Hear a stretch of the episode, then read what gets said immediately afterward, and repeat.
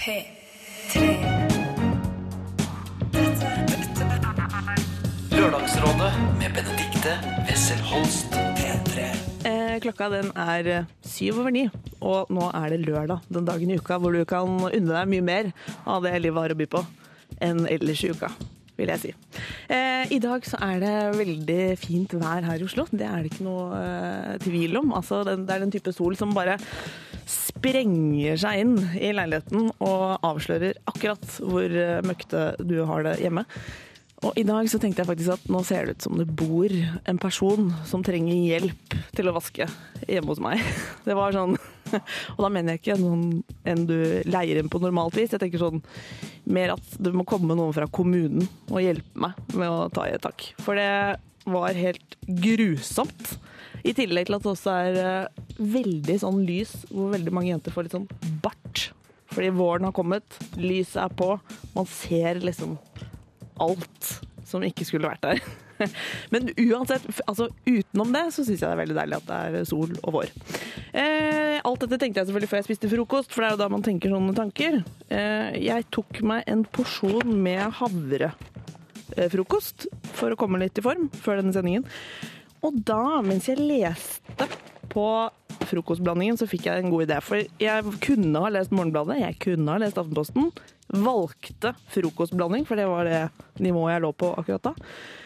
Og der, det angrer jeg ikke på nå, fordi jeg fikk faktisk følelsen av å ha en liten livscoach ved frokostbordet. Og det er noe av det beste du kan ha.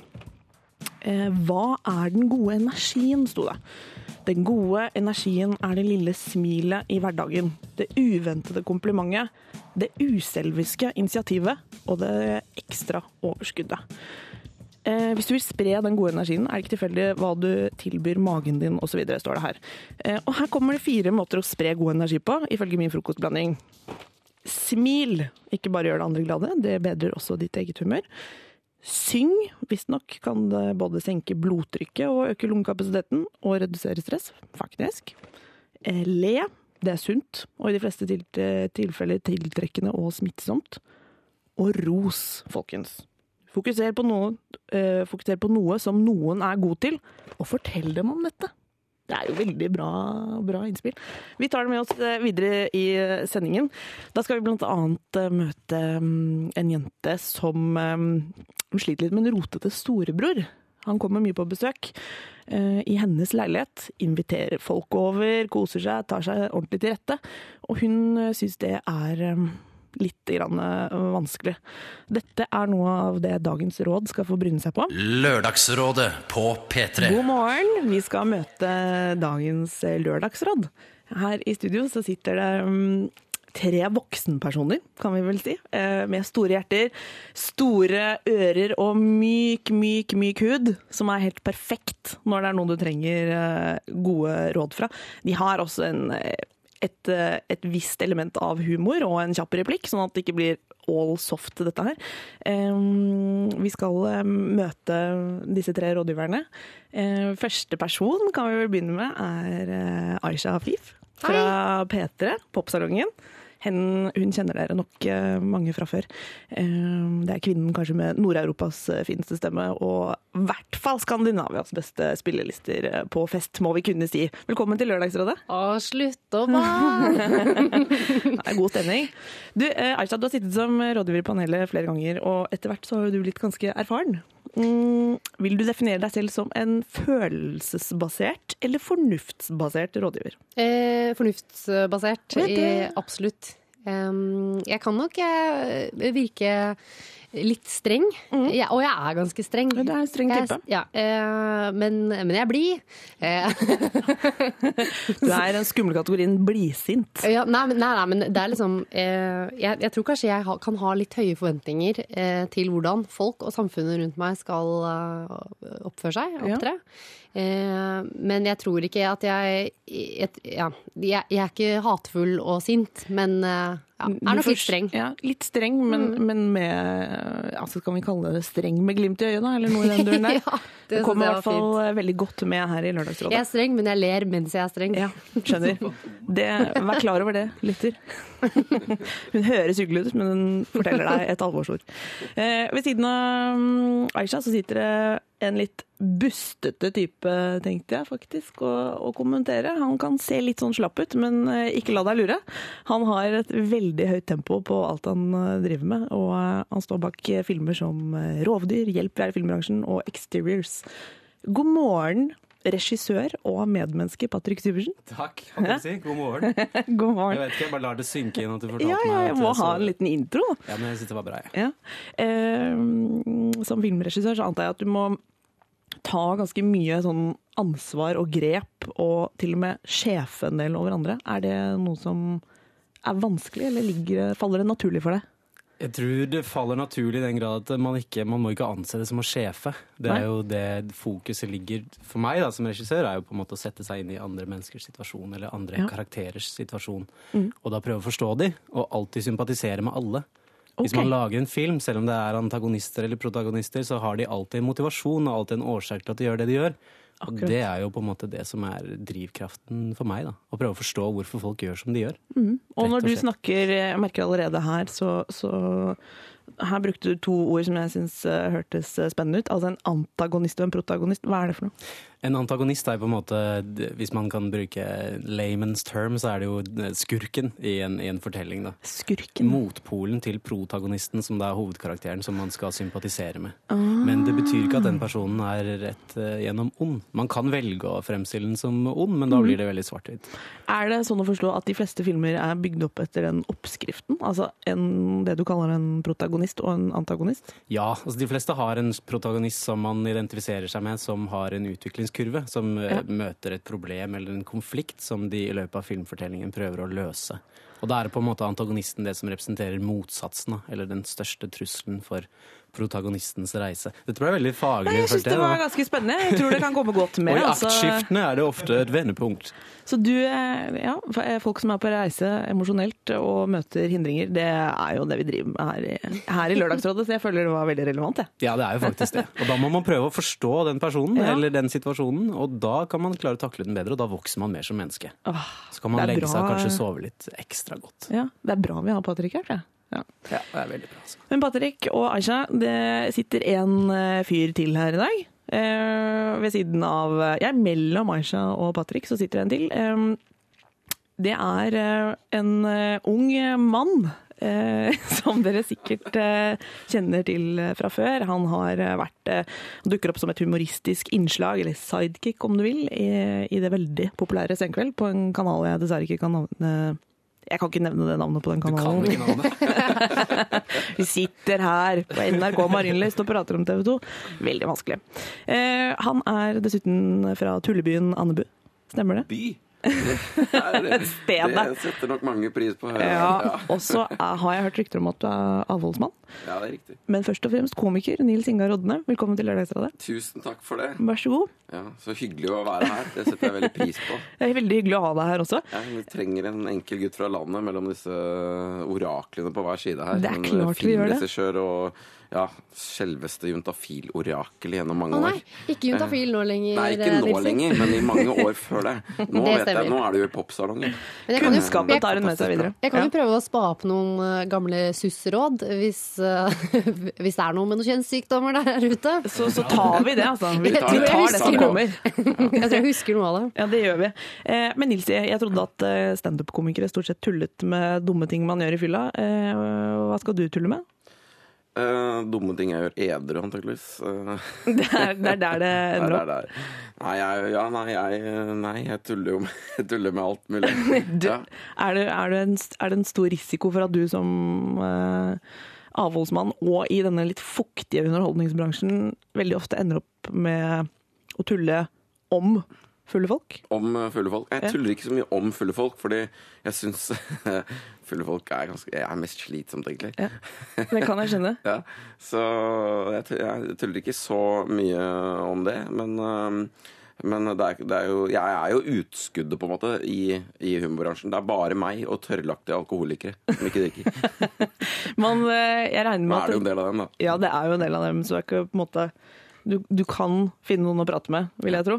Men uh, uten at det skal handle utelukkende om det. Jeg syns det, det er greit å ha en avholdsmann jeg, i, i panelet som kan uh, snakke litt om det. Er det noen spesiell grunn til at du har valgt det? Um, ja, nei, altså, det er jo det er en grunn til det. Men uh, når jeg var ung, så hadde jeg en del sånne ideologiske verdier. Nå er det Ja. mer det at jeg ikke gidder å begynne. Ja. Jeg kjenner ikke behovet. Nei. Enkelt og greit. Jeg Det har er, ikke behovet. eh, I det, det øyeblikket det kommer et ordentlig godt argument for å drikke, ja, så kanskje jeg prøver. Oi! Det er jo en oppfordring eh, som man ikke kan Nei, vi lar den ligge. Vi lar den ligge. av det. Er dritgøy og sånne ting, og det holder ikke. denne mannen psykisk, så han ikke kan ty til annet enn rus. Ja. Nei, det skal vi unngå. Men da har dere fått eh, Da har du som hører på, fått en liten eh, innføring i hvem som sitter her, og hva slags kompetanse de sitter på. Eh, Det kan jo være at det er akkurat det du trenger for å få hjelp med, med ditt problem. Vi skal snart gyve løs på dagens første problem, denne lillesøsteren med en slamp av en storebror. Lørdagsrådet. Det var eh, Tomorrow Calling med norske Sweden. Eh, Sjukt eh, forvirrende det der, men en fin låt. Og før det så fikk du Var det Lale vi hørte på da? eller? Ja. Du lytter til Lørdagsrådet med Benedicte Wesselholst, og sammen med meg så sitter tre veldig løsningsorienterte personer. Nemlig Aisha Afif fra Popsalongen her på P3, filmregissør Patrick Syversen og komiker Nils Ingar Odne. Hei, folkens. Hallo. Ja, det er godt å, godt å høre at dere er her. Eh, her er dagens første problem. Kjære Lørdagsrådet. Jeg har et problem med broren min, og jeg ønsker at dere skal hjelpe meg med det. Han er 21, og jeg er snart 19. Jeg går på skole et lite sted ca. to timer unna foreldrene mine. Jeg bor i en leilighet her som mamma og pappa har kjøpt. Eh, problemet mitt er at broren min stadig kommer hit, og siden han ikke har noen fast jobb, blir han ofte over lengre tid. Jeg bor i leiligheten alene, så litt besøk er bare koselig, men å ha han på besøk er virkelig ikke noe kos. Han rydder aldri, og det er jeg som må handle inn mat og lage middager, og jeg begynner også å bli lei av å rydde opp etter han. Eh, Siden det er jeg som bor her i denne leiligheten alene, føler jeg at den er min, selv om det er mamma og pappa som eier den. Derfor kan jeg ikke bare kaste han ut, siden han har like stor rett som meg til å bo i den. Jeg gruer meg til hver gang han kommer, for han bidrar minimalt. I tillegg ber han over kompiser, uten å spørre meg. Disse kompisene er ofte folk jeg ikke liker noe særlig. Hvordan kan jeg få han til å bidra mer og oppføre seg bedre? Hva skal jeg si? Jeg kan jo ikke nekte han å komme hit. Hilsen lillesøster. Ja, det er jo en litt sånn lurvete storebror som tar seg til rette. Er dette noe man kanskje bare må regne med i et søskenforhold, eller hva, hva tenker dere? Jeg ble jo litt Min første liksom, tanke var å du må gå og snakke, du må sladre til mamma og pappa.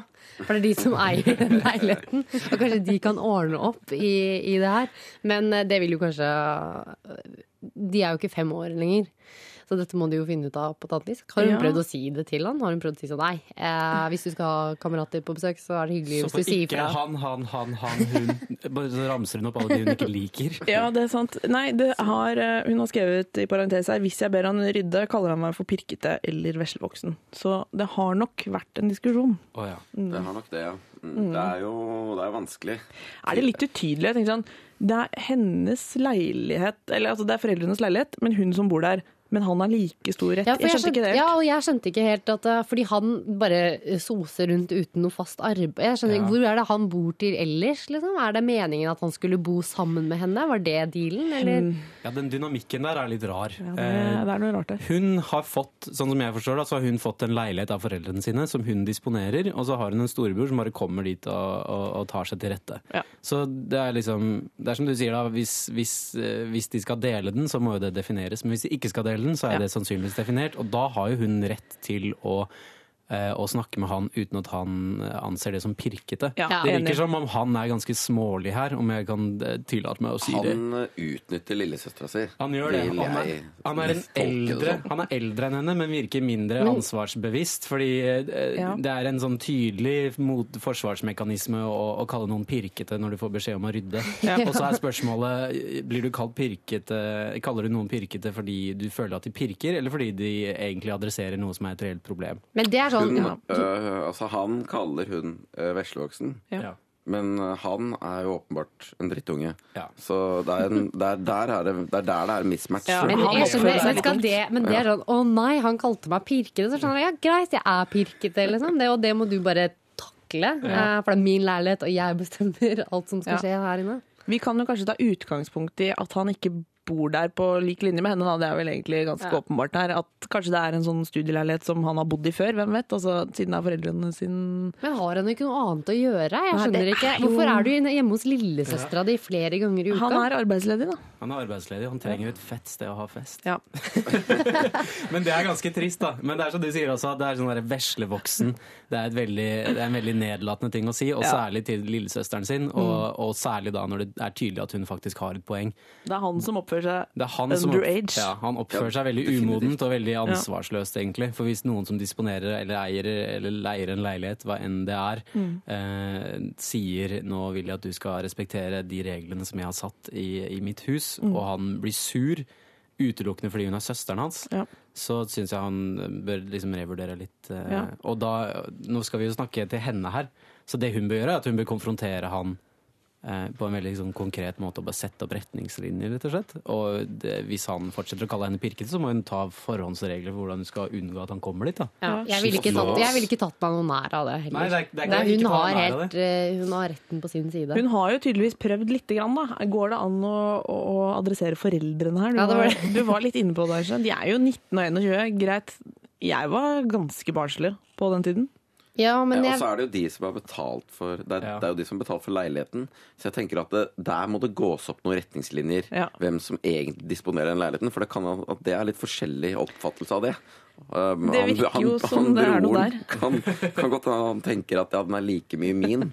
Det er noe som, som tyder på det. Ja, det er det. Men uh, dette med disse vennene som kommer og sånn, Ja, kan, det- kan hun begynne med å si En ting er at du virker som han kommer og på en måte får middager og Ja. Altså han behandler lillesøsteren som en slags reservemamma. Og så var det ganske interessant at hun nevnte i begynnelsen at vi, jeg bor to timer unna foreldrene mine. For det føler Ja. at det, det impliserer er det at faktisk broren bor hos foreldrene, og at han eh, Kanskje det er det som er tilfellet. Ja, at For hvis- han vil heller være der, ja. Ja. men han trenger bare å få seg et liv. Ja, han må få seg en jobb, seg- og få ja. seg en leilighet og få seg et sted å være. Han må få seg en kjæreste òg, må han. Ja. Det må han også. Oh, du, dette er, det er mye han broren må Men ta kan, tak i. ja, men kan ikke hun prøve å Kan ikke hun alliere seg sammen med foreldrene sine, da? Ja. Fordi ja, de hvis, ok, La oss anta at han bor hos foreldrene. Ja. De er sikkert ikke så keen på at deres 21 år gamle sønn skal fortsette å bo der veldig mye lenger. Men de vil da også ha en forståelse for at han er en håpløs person å ha for henne også i leiligheten sin. Mm. Så her har hun jo noen allierte med seg, så kanskje de sammen kan ha en eller annen intervention med Ja. han broren. Og er sånn der, ok, nå må du få deg et sted å bo. Unge menn på 21 uten jobb, og kanskje Nå ser jeg for meg at han sitter i en sånn kjellerstue og bare kaster bort uh, Det er en veldig rar situasjon, da. Ja, han Eller- må ta grep. Hvis hun er et mye mer strukturert menneske Det her krever jo mye en slags oppofring fra hennes side. da. Men hvis hun er flink til å ordne livet sitt, kanskje hun skal tilby han å bo i den leiligheten. Og hun flytter ut, finner et annet sted, får seg en jobb, betaler sin egen leie og ordner det. Det er liksom ikke Og kommer på besøk til han hver Ja, helg. Det er jo en veldig, veldig kjip løsning når hun har fått en leilighet. Hun får lov, i hvert fall. Helt sikkert så tenker jeg at hun skal disponere den leiligheten mens hun går på skole. Det virker ganske tydelig siden det er to timer unna der hun har vokst opp og alt dette her. Men, Ja. men det fins jo mange løsninger på det her. Og så må jo kanskje man kan ehm, komme fram til noe som minner om en, en eh, konklusjon for denne lillesøsteren eh, nå. Eh, jeg syns dere har veldig gode innspill på, på dette med at eh, hun kommer nok ikke unna en konfrontasjon. Hun må kanskje til og med ta opp tråden med, med foreldrene og si sånn, vet du hva, nå kommer, la oss kalle han Christian, veldig mye. Han har vorspiel i kjelleren. Jeg må pelle ølkorker. Jeg orker ikke mer. Mamma og pappa. Går det an? Ja, det går an. Det går Ja. an. Men jeg syns at det første steget er å definere hvem som disponerer leiligheten. Yes. Og så med utgangspunkt i det, så skal man prøve å finne ut hvordan de skal disponere den. Mm. Og hvis det er uenigheter da, så kan de ta inn foreldrene og finne ut eh, Og så, så stikker det jo mye dypere enn det. Ja. det er på en måte, hun har jo tatt ansvar og fått seg og, og studerer og har en leilighet som Mm. hun disponerer av det. Jeg vet ikke hva brorens livssituasjon er, men den, det er eh, Sannsynligvis er livssituasjonen hans årsaken til hele dette problemet. Veldig, veldig godt observert, Patrick Syversen. Der er det, kan vi si det sånn at hun er protagonisten i denne fortellingen. Åpenbar antagonist av en bror. Ja, i hennes fortelling, så. Jeg lærer ting Men i hans fortelling er det jo selv verden rundt da, som er antagonisten. Ja, Han-. Ja, selvfølgelig. Alle. Alle Alle andre. Oi, oi, oi. Kjære lillesøster, du har i hvert fall vært eh, flink til å få orden på din egen tilværelse. Det er jo klapp på skulderen for det. Man skal ikke mm, kimse av det. Eh, Du har en eh, lurvete storebror som på absolutt alle plan må ta grep. Og mm, en mulig måte å få han til å gjøre det på, er å selvfølgelig konfrontere han, som vi har vært inne på her, og, og si at det gidder du ikke mer. Og bli, prøve å få han til å bli med på noen kjøreregler, hvis vi kan si det sånn. I og med at du faktisk nevner at du syns det er hyggelig med litt besøk, bare ikke eh, flere dager i strekk og med, med alle kompisene hans. Eh, hvis storebror hører på og føler seg truffet, så tenker jeg at eh, nå må du være litt storebror. Ikke oppfør deg som en lillebror. Det er ikke, det er ikke bra nok. Men jeg håper det kanskje hjalp lite grann til den stakkars lillesøsteren. Eh, hvis du har flere problemer, du som sitter ute og hører på nå, eh, så vil vi gjerne ha de på Vi vil gjerne få problemer både på SMS og mail, vi. Det er eh, kodeord P3 til 1987 og lralfakrøll.nrk.no. We are the people, empire of the sun der, altså. Eh, hei, Lørdagsrådet. Jeg er en jente på 29 år som i høst fikk min første kjæreste. Parentes betrakter meg ellers som ganske normal. Han er kanskje verdens snilleste og søteste, selv tatt i betraktning at han er altfor distré, at jeg blir litt flau over hans manglende sosiale antenner, og at han er en sånn fyr som gjerne flytter inn etter første uke. Vi er sammen hver dag, og jeg syns det er supert. Vi er nesten bare sammen, vi to, eh, eller med hans venner, fordi jeg, har visst et, eh, fordi jeg er visst et angstfylt dyr når det kommer til mine venner og familie. Men jeg har ikke merket en kjempeforelskelse enda, eh, annet enn at jeg trives veldig godt sammen med han. Uansett, her kommer tvisten. Eh, Før jeg møtte kjæresten min, så hadde jeg et godt øye til en fyr som jeg overhodet ikke kjente, mer enn fra butikken der han jobbet. Eh, Var der noen ganger, og vi fikk en god tone og snakket sammen. Altfor lenge i forhold til hva som er standard for en butikkansatt og kunde. Hadde vel egentlig glemt han helt til jeg så han på universitetet denne uken, hvor vi satt i samme kantine i lunsjen. Her fikk jeg tidenes sug i magen, og han tittet bort mange ganger i løpet av lunsjen og smilte da jeg gikk. Jeg ser jo at dette høres litt latterlig ut, men jeg har ikke klart å slutte å tenke på han, og håper egentlig å treffe han igjen. Så hva gjør jeg? Er det patetisk at jeg går og teller smil fra en fyr jeg har sett til sammen fem ganger, når jeg har verdens snilleste kjæreste? Eller betyr det at jeg kanskje ikke syns det å ha verdens eh, snilleste kjæreste er nok for meg? Hilsen Lene. Eh, Panelet sitter klare. Aisha Fif fra Popsalongen her på P3. Nils Ingar Odne, komiker fra Senkveld. Og Patrick Syversen, filmregissør. Det er et kompetent panel. Eh, Her var det mange ting på en gang i dette problemet. Hva, hva, snill kjæreste, sug i magen av fremmed fyr. Hva skal man gjøre med dette? Her var det mye å ta tak i. Ja, er det ikke? Var det ikke det? Eh, Ja, her var det mye å ta tak i. Eh, For det første så er jo denne, dette crushet hun har på han kantinefyren, Mm. eh, butikkmannen, kassamannen, eller hva han er. Jeg vet ikke hva, hva han jobber med i den butikken. Litt uklart. Litt uklart, i hvert fall. Det har hun jo uh, vel, lagd veldig på egen hånd. Eh, så hva som ligger i det, er jo vanskelig å si. Um, for det har hun tydeligvis Det, det bildet har hun nok jazza ganske mye opp. Det gjør man jo for Ja. seg selv. Det er kanskje noe som Eh. vokser litt i betydning hvis man ikke har det helt maks. Men Ja, jeg har lyst, jeg har lyst til å bare plukke fra hverandre hele situasjonen. Hun sier hun er 29 år, har fått seg sin første kjæreste. Han er ikke liksom kanskje drømmeprinsen hun hadde sett for seg, men han er snill. Og der syns jeg det er mange fine ting. Jeg syns det er riktig at hun prøver å ha en kjæreste for første gang i en alder av 29 år. Det er riktig. Det betyr ikke at det er han hun skal være sammen med resten av livet. Um, og hun sier jo at hun ikke engang er helt ordentlig forelsket. Eller hun har ikke følt at hun forelskelsen er kommet. Det gjør ikke noe, det. Det er liksom igjen tilbake til der du må oppleve å ha en kjæreste en gang, og nå har hun det. Så nå kan hun kanskje det at hun er litt opptatt av en annen fyr, som hun ikke engang kjenner, er jo kanskje et lite tegn på at eh, det ikke er så mye futt igjen i det forholdet hun har hatt. Okay, så Men det- altså, du mener at det er viktig at hun Du mener det faktisk er riktig at hun på en måte tester ut det å ha kjæreste? Jeg vet ikke hvor Eh. lenge de har vært sammen, da, men sånn, hvis han ikke har Hva var det? Jeg holdt jo på å le Ja. litt grann når jeg leste, for det er sånn der, Ja, han er kjempesnill, men han har ingen sosial intelligens. Jeg hater alle vennene hans. Og, det, liksom.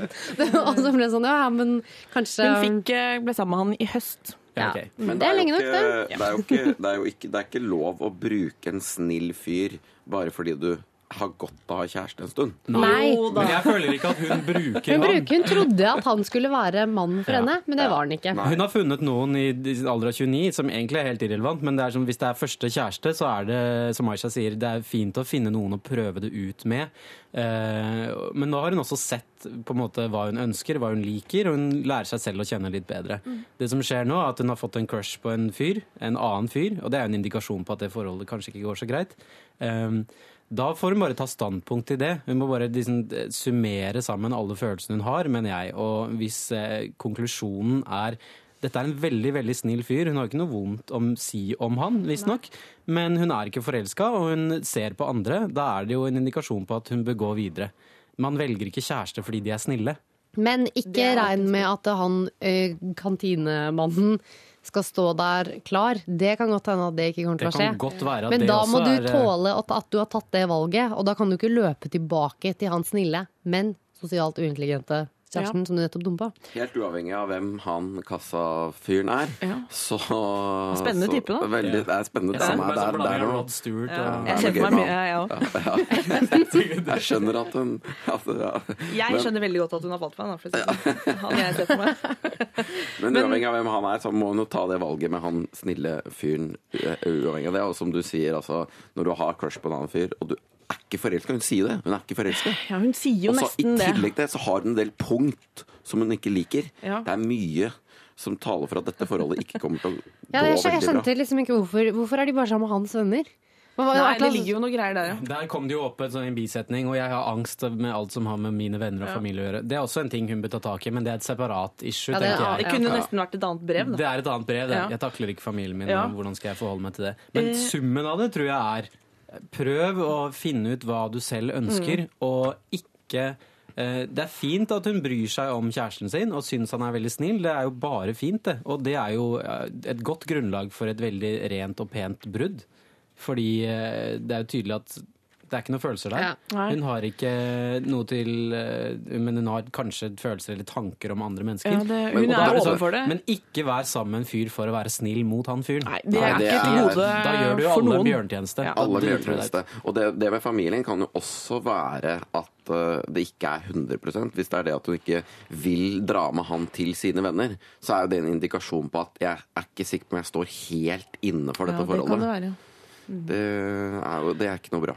Eh, jeg lurer på, altså Er det ikke litt sånn at alle forhold på et eller annet tidspunkt opplever at eh, selve forelskelsen svinner litt hen? Og dette med at man kikker noe på andre, altså enten de dukker opp i en kantine på jobben eller eh, i en eller annen setting, så må man kanskje regne med det. Hva, hva tenker dere om det? Er det ikke lov? I det? Nå er dere ganske strenge, virker det som. Jo. Altså sånn, Kikker du på andre, da er det slutt? Er det sånn? Nei, men føler ja, men grunnen er at eh, hun bare virker så usikker på det forholdet hun allerede er i. Og jeg driver jo og lager masse antakelser om henne nå. Fordi hun, og kanskje nettopp fordi hun sier at hun har fått sin første kjæreste når hun er 29. Det er helt greit, selvfølgelig. Men da, jeg vil tro at hvis du har gått i så lang tid uten å ha hatt noen kjæreste, så blir man kanskje litt sånn å, men jeg bare må ha en kjæreste. Så hun har bare tatt på en måte den første og beste som, som bydde seg. Nå, nå, det her, nå bare spekulerer jeg, da. Men, Det kan hende dritkresen har bare endelig har endt opp med så valgte han med uten sosial intelligens. Men, altså, dette med øh, Når man en gang er i et forhold, da, hvordan skal man skille det med å liksom bli litt betatt av noen man betrakter på avstand, og det som faktisk betyr noe? Altså sånn Oi, jeg møter en annen, jeg er i et forhold. Dette Ja. må jeg gjøre noe med. Det er lov, jeg, vil jo si at det er lov å kunne på en måte liksom assesse situasjonen rundt. Det kommer helt an på hvor alvorlig forholdet er, og, og hvor, hvilke stre, hvor strenge retningslinjer man setter for seg selv og for relasjonen. Da. Det går jo også på parforholdet, men jeg syns at et forhold i seg selv skal være basert på gjensidig respekt og kjærlighet og forståelse. Eh, og hvis man har det overfor partneren sin, så vil man alltid være åpen med vedkommende også. Men eh, jeg vil jo anta at hvis eh, man ser Hvis man møter par som har vært sammen i 30 pluss år, så er det veldig sjelden at man ikke hører om noen historier om noen Kanskje en, ikke en fling, men en eller annen fascinasjon for noen andre. Uten at det nødvendigvis vil eh, sette spørsmålstegn ved den grunnleggende kjærligheten man har i forholdet. Ja, for det må det vel på en måte gå an å, å kombinere det, men dere mener at hun er ikke i den situasjonen? Nei, for situasjonen hennes virker Nei, for jeg er ikke noe keen på han fyren hun er sammen med i utgangspunktet. Det hadde vært mye vanskeligere hvis hun hadde på en måte vært i et forhold som var skikkelig eh, dypt og inderlig, og så Ja. hadde hun følt følelser for noe annet, og da hadde hun blitt forvirra. Da hadde det vært en genuin forvirring der. Og hun er ikke helt der, altså. Nei. Og det er ganske overfladisk, det forholdet til han andre fyren. Det er jo ikke et forhold engang, det er en mann. Det er en mann som fins der ute. Uh, som hun Ja, hun har jo ikke bare møtt snakket med han. hun? Hun har bare snakket med han én gang. Ja, Kanskje hun ikke har snakket med han engang? rundt fem ganger, faktisk. Å ja, fem ganger. Å ja, ok. Jeg trodde hun bare hadde sett stalket han Ja, Han har sett på henne fem ganger. Også en indikasjon på at jeg syns det forholdet høres ganske dårlig ut, er jo måten hun legger det fram på. Ja. For hele dette brevet uh, ty Hun vil egentlig at vi tre skal sitte her og si at dette ikke er noe.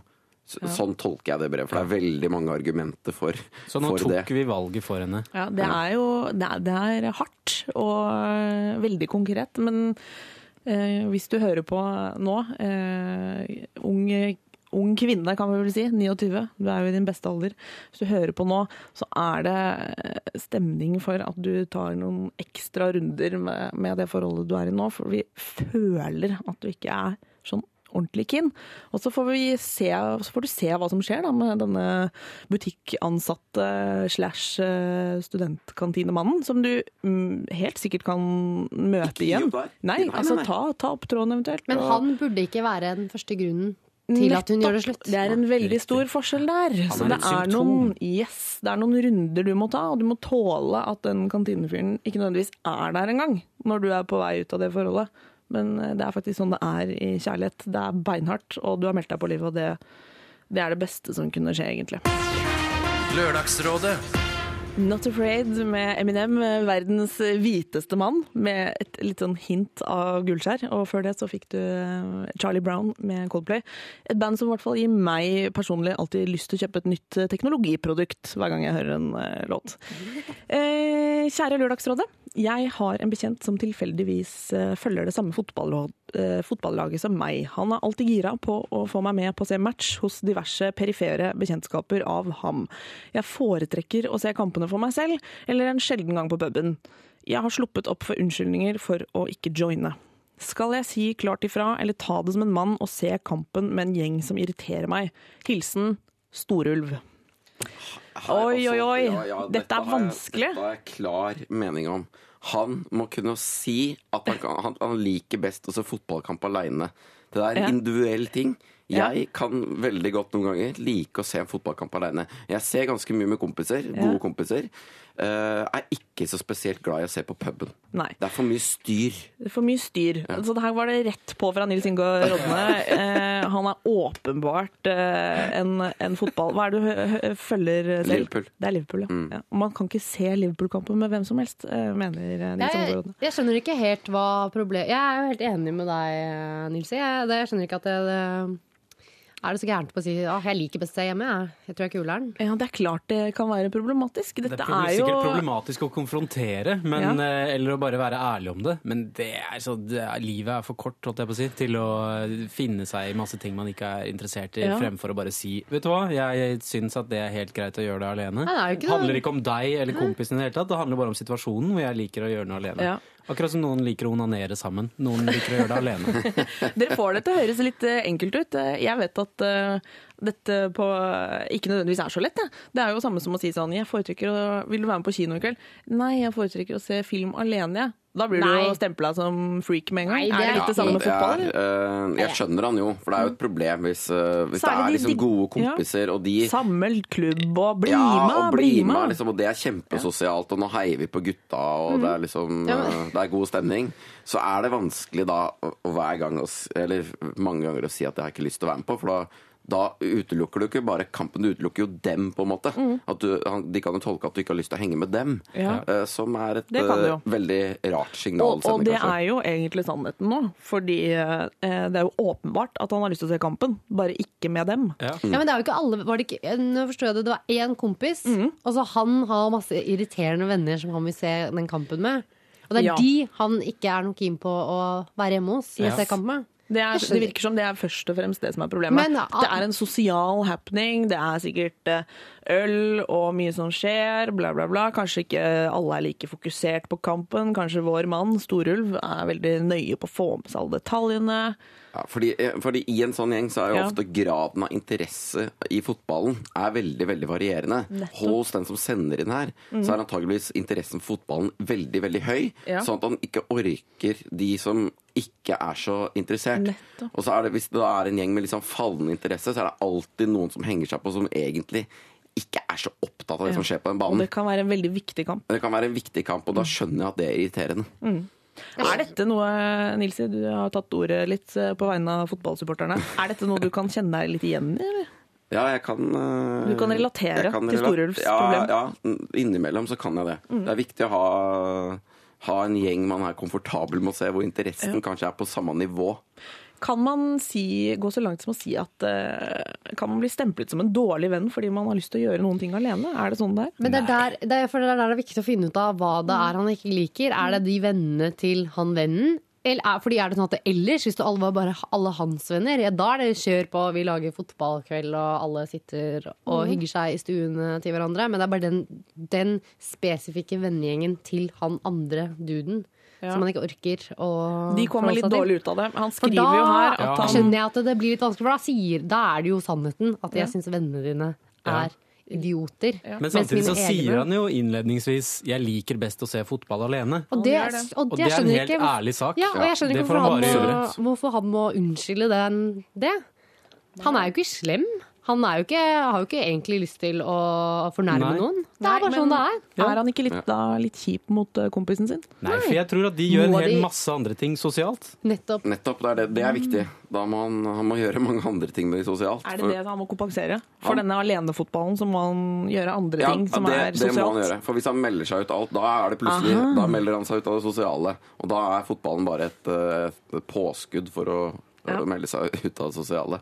Eh, kjære Storøl, vi lurer på faktisk om du kan, kan klare å, å fortsette å se de fleste kampene dine alene, eh, mot at du er god på å liksom stille opp eh, på noe annet og si sånn Jeg skal bare se kampen først, ja, så kommer jeg og tar en øl. Det går an. Det går an. Eller rett og slett bare finne på andre ting. For det virker som han ene kompisen i hvert fall er en fyr han setter pris på.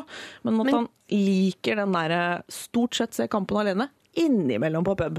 Kanskje han skal, eh, bare for å være litt raus Mm. mot han kompisen, da, bare bestemme seg for at jeg vet, ikke- ok, jeg vet ingenting om fotball, men det virker som det går fotballkamper hele tiden. Men at han liksom en gang i måneden, da. Ok, da kan jeg være med. Da kan, jeg blir med en gang i måneden. At han lager det som en liten sånn regel Ja. for seg selv. Og da kan han velge de litt mindre matchene. Ja. Altså, Hva er det egentlig som er igjen av viktige matcher for Liverpool nå, egentlig, Nilsen? Kan Det er en ingenting finale om som er veldig, veldig viktig. Stemmer.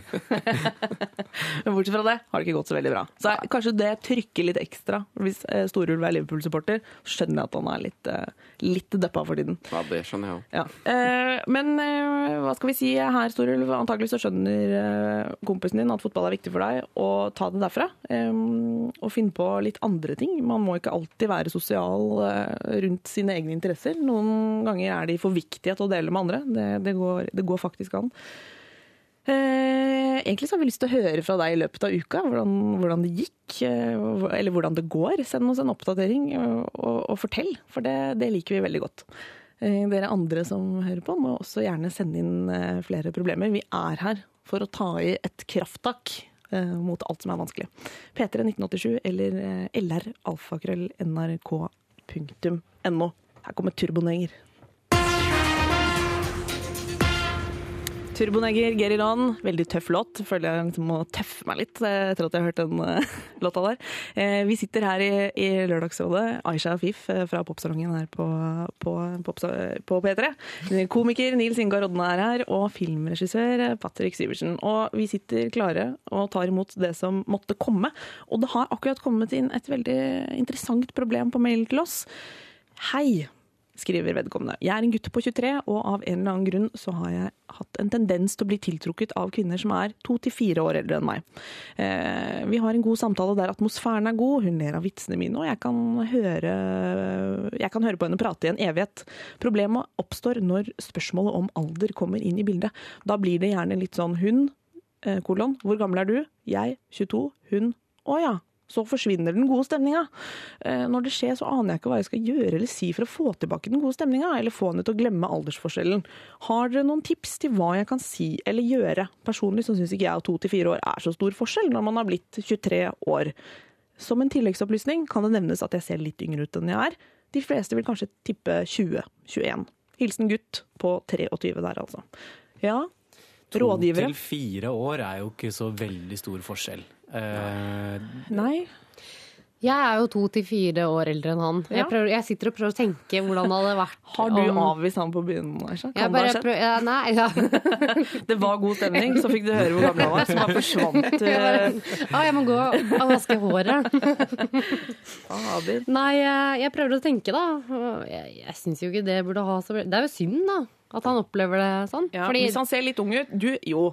Nå, må vi, nå, er, nå sitter Ja, for- vi her og nærmer oss uh, Nå er vi litt over 21. nå fikk jeg melding fra en kamerat hvor Ja. det står 'si at han må ljuge'. det er det eneste som står Første innspill er løgn, altså. Ja, ja.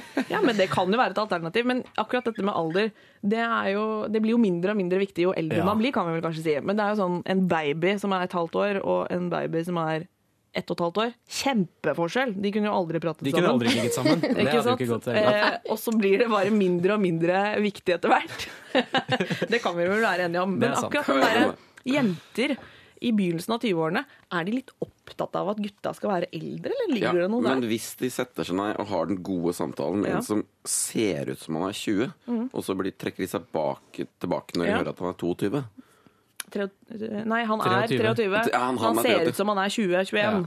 Ja, Kanskje men- noen men- til og med ville tro han var 19. Altså, Men jeg bare og, og de er eldre. De er eldre. De Ja, er ja. cirka altså, Han sier at han er jo 23, og hvis de er fire år eldre Ikke sant? Ja. Men da er det jo litt rart at uh, han ser ut som han er yngre, og så trekker de seg tilbake når han sier at han er uh, 23. Eldre enn det han ser ut som. Ja, Ja, eldre da får de bekreftet det. Altså, vi- da, ja, Jeg vet sånn, ikke helt hva problemet er. jeg. Nei, for det, det ville vært rart hvis han Jeg hadde skjønt det hvis han så ut som han var 27. Ja. Og så, nei, jeg er 23. Å ja, at de trakk seg unna da. Ja. Men hvis han ser ung ut, så må de jo i utgangspunktet ha en interesse Ja. for at Det er jo han. ham. han selv som mener at han kanskje ser ut som han er Ja. 2021. Da. Det Men kan Det kan de ikke at problemet ligger der.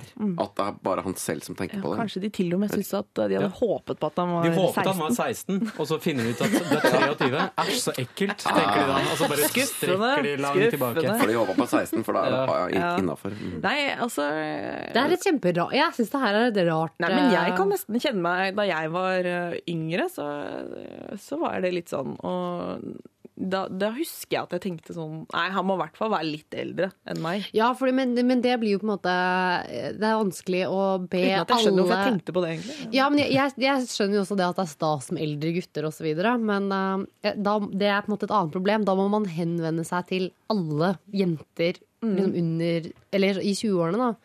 Eh, Ja. Og komme med en oppfordring. Men det er jo han vi skal hjelpe. Ja, Så jeg han vet ikke lurer på om hvordan vi- hva- si noe Han gjør jo alt riktig på en måte, Han fordi det. han kommer i kontakt med noen, har en god samtale. De, eh, aldersforskjellen er der, men de har en god tone. Og så avslører han hvor gammel han er, og så trekker de seg tilbake. Da er det jo de som har problemet eventuelt. Og han kommer vel seirende ut av det på en måte i den forstand at han gjør så godt han kan. Han kan ikke endre hvem han er. Han Nei. kan ikke endre hvor gammel han er. Det eneste han kan gjøre, er å gå ut der, møte mennesker, prøve å kommunisere med folk som han eh, connecter med. Og hvis de trekker seg tilbake fordi han er 23, så er ikke de noe han vil samle på uansett. Hvis han er ute etter en partner eller en kjæreste. Men hvis han er ute etter noen å ligge kan- med, så kan han Det er jo ljuge. litt uklart, ljuge, Det er jo litt uklart hva hans sant. motiver Men er. jeg kan Fordi ikke- en jente på la oss si 28, da, kanskje hun er ute etter litt andre ting enn det generelt gutter på 23 er. Det kan jo hende at det ligger noe der. Ja. Og, og kanskje disse eh, damene uh, tenker at OK, du er 23. Vel, jeg var kanskje keen på å liksom gå på date, ja, ikke bare ha en one night stand. Men, det kan, men også så er det sånn Herregud, hva skjedde med å bare ha en hyggelig samtale, liksom? Det Det, går sant. ikke an å bare Jeg, er jeg syns jo det er et veldig rart problem. Skjer, har dette, skjer dette hver gang? Er dette Det må ja. konsekvent? Hver eneste fredag så skjer dette Han sier at det skjer eh, ofte. Ja, for det må jo skje ofte siden han er lei av det. Ja. For det er en god samtale i ny og ne, det liker vi jo alle. Det er sant. Er det et alternativ her at eh, hvis, hvis det kommer opp dette med alder, kan man si 'hvor gammel tror du at jeg er'? Er det ah, men det er så cheesy. Er det litt cheesy? Ja, det er jo ganske cheesy. Hvor gammel men tror du at det er? eh, gammel tura, sier hun. det. eller 44, sier hun. Og så overrasker han de med å si 23. jeg er Og så får du se. Og så får vi se hva som skjer. jeg Du, jeg kom på en ting. Kanskje han bare skulle gå for de som er sånn ikke to til fire år eldre. Hva med de som er sånn 15 år eldre? For de, Driter i det. de kommer til å klinke til. Ja, ja. De driter i 20 eller 23. Ja, de elsker Jeg tror de elsker 20, jeg tror de elsker 23. At der er det et marked som han har gått glipp av. ja. Jeg da da- finne sånne venninnegjenger på noen og før som er ute og er kan litt ikke bli unge nok, tenker jeg. Kanskje han bare skal Jeg vet ikke, jeg, det- jeg er jo ikke det, det faller meg Eller det er vanskelig for meg å si det her, men kanskje han skal kjøre noe sånn derre The Game-aktig strategi på det her. Jeg At han, at han blir, blir litt sånn Skal negge dem litt. Ja. Bare er 23 år, så bare ja. Ja, jeg er vel ja. eh, ti år yngre enn deg, da.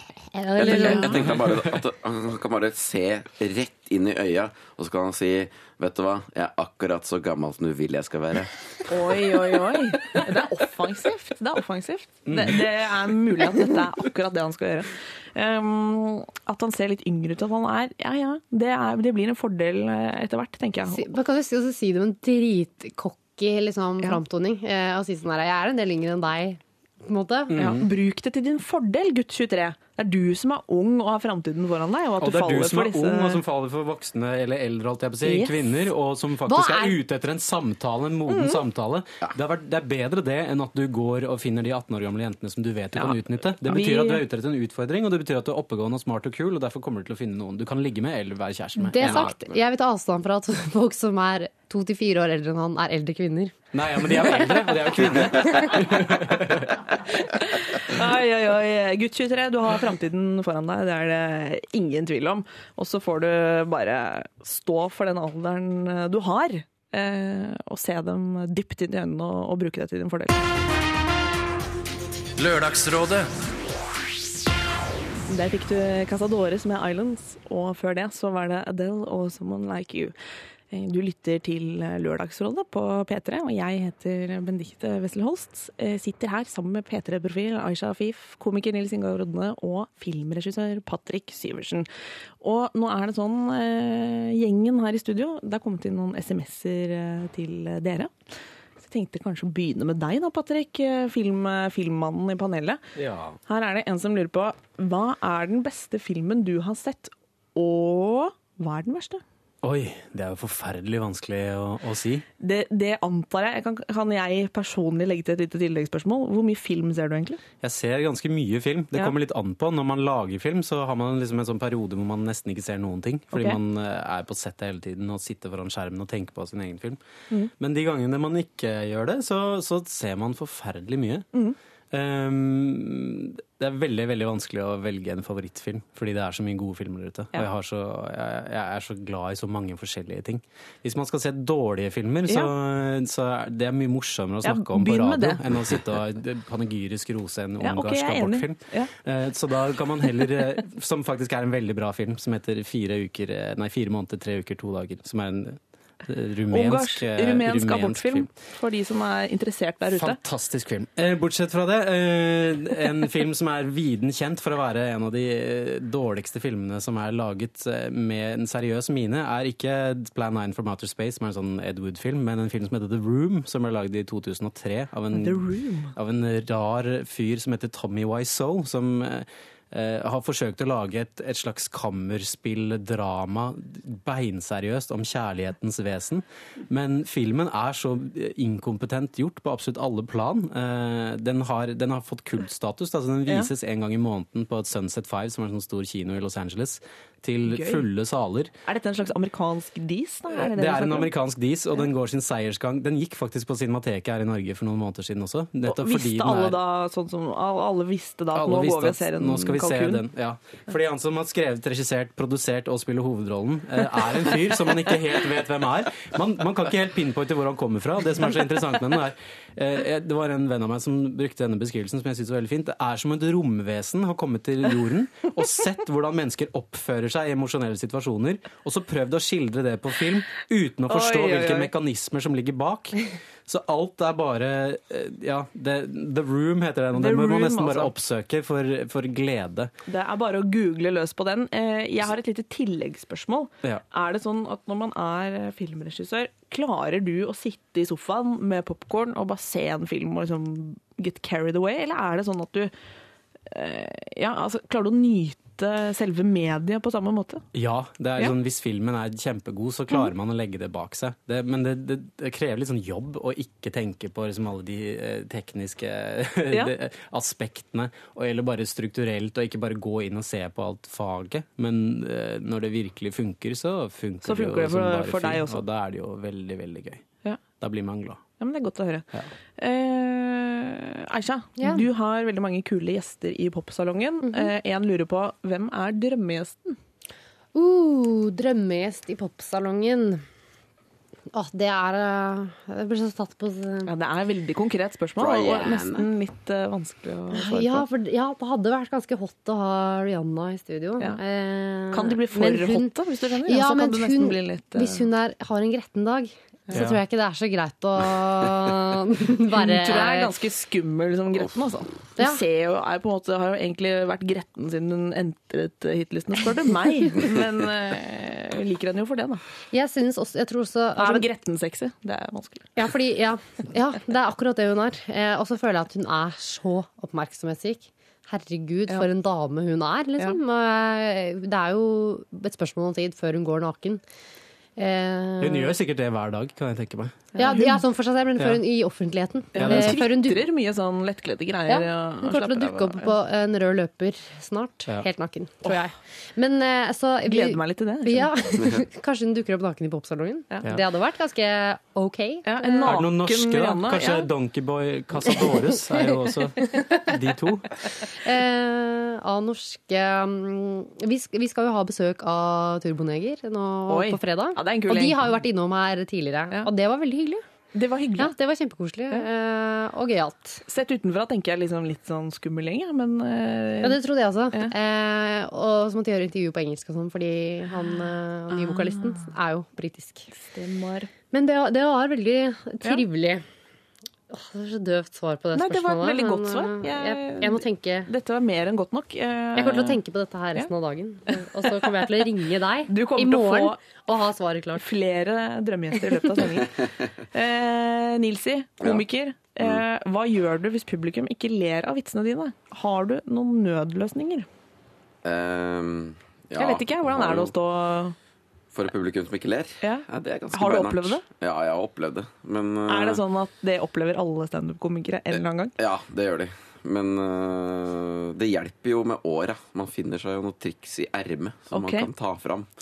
Noen har noen Noen vitser du noen... helst ikke drar fram? Nei, det var bare som sånne ballonger. Som, har en prompepute Er eller noe noen noe løstenner i lomma? vet du, så blir det Alle ler på løstenner. Nei. Ja. Nei, men Nei, fortell, eh, altså, jeg- som komiker, jeg antar at du gjør ganske mye. Vi kjenner deg jo fra Senkveld, hvor du sitter i, i sofaen og, og prater om litt av hvert. Men du Mm. gjør også mye vanlig, tradisjonell standup foran livepublikum, ikke sant? Det gjør jeg. Ja. Mm. Eh, jeg gjør jo det, og det er jo mye forskjellige typer jobber. Eh, men eh, Hva, kan man si noe om hva som er drømme... Kan du merke med en gang om det er et publikum som kommer til å like deg eller ikke? ja, det kan man gjøre. Og det er jo bra desto høyere prosentandel av damer eller kvinner eh, som er da i, i salen.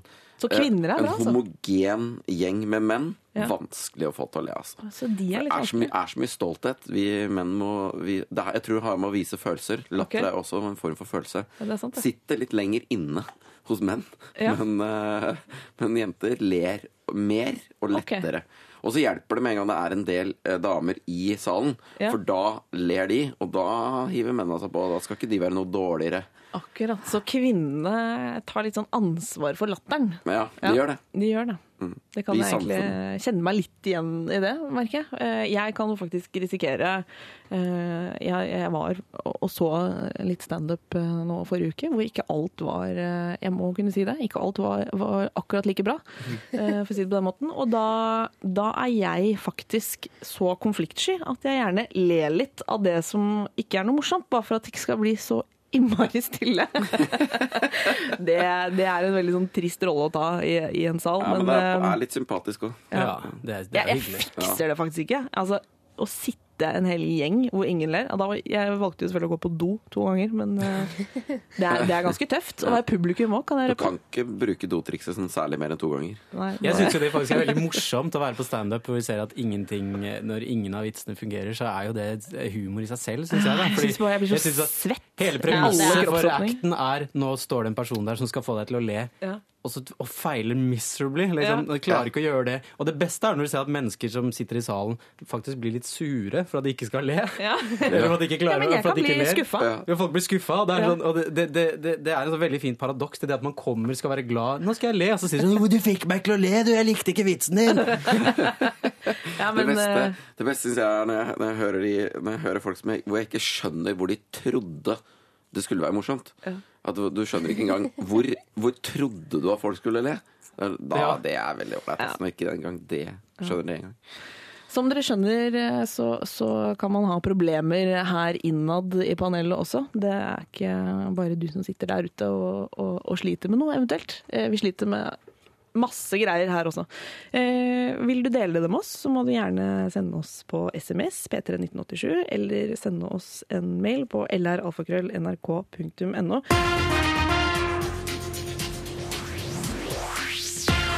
Det var Father's Eyes med Ask Embla der, og eh, fra fars eh, øyne til vår alles far, hvis vi kan eh, gå den veien, ifølge noen. Det skal handle om Gud, rett og slett. Religion og gruppearbeid. Det blir jo ikke spesielt mye vanskeligere enn det. Kjære Lørdagsrådet. Jeg har en veldig kristen jente i klassen min. Hun er læstadianer. Vi har et gruppearbeid i religion hvor vi skal presentere vårt syn på Jesus osv. Jeg mener kristendom er noe tull, og uansett hva jeg sier, himler hun med øynene og sier at jeg ikke kommer til himmelen osv. Blir mer og mer forbanna. Hvordan kan jeg få henne til å samarbeide, slik at vi får en god og reflektert presentasjon, uten at jeg kaller henne en naiv, gladkristen, hjernevaska optimist? Hilsen eh, Silje. Hun Dette har er jo ja. et gruppearbeid på skolen, Ja, men, men altså, det kunne jo unnskyld vært meg. ja. Stopp en halv. Ja. Hva slags gruppearbeid er det å lage en oppgave om ditt syn på Jesus? Var det det det var? Ja, Det må være i det. religionsundervisningen. Ja, men hva er, Jeg syns det da var en veldig spesiell ja. oppgave, som man skal gjøre i en gruppe. Særlig når det er én i klassen som er læstadianer. Det er eh, ting som skjer i norsk skolevesen som vi, vi har falt helt utenfor. Ja. Nå diskuterer man hva man syns om Jesus, sikkert mye større grad enn hvem han var osv. Utrolig lada Veldig oppgave. ladet, veldig ladet uh, oppgave. Nei, dere to som er uenige, kan dere lage en felles oppfatning av hva dere syns om Jesus? Ja, det er jo Rar oppgave å gi. Ja. Ja. Veldig rart. Det- jo, Går det i det hele tatt an? Altså, dette er jo skolearbeid. Dette kunne jo kanskje vært i arbeidslivet, hvem vet. Altså, det å, å samarbeide med noen som er veldig ulik en selv, det, Ja. det kan man jo risikere å støte på både her og der. Jeg syns jo hun har i spørsmålet sitt, så har hun jo egentlig nøkkelen. Og det hun sier er at vi skal lage en reflektert eh, og bare saklig redegjørelse for hva vi syns begge to, Ja. uten å ha ryket hattene på hverandre.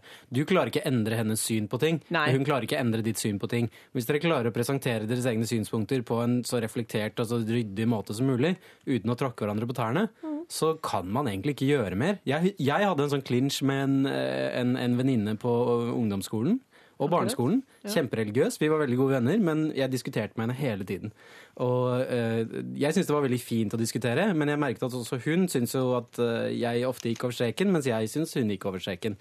Til slutt så kom vi bare til enighet om, at, vi har forskjellig syn på ting. Men det, det kom faktisk veldig mye godt ut Ja. av å ha de diskusjonene. Ja. Fotnote. For en, en måned siden så fikk jeg en bok i posten av denne jenta som jeg ikke har sett på 15 år, konkret.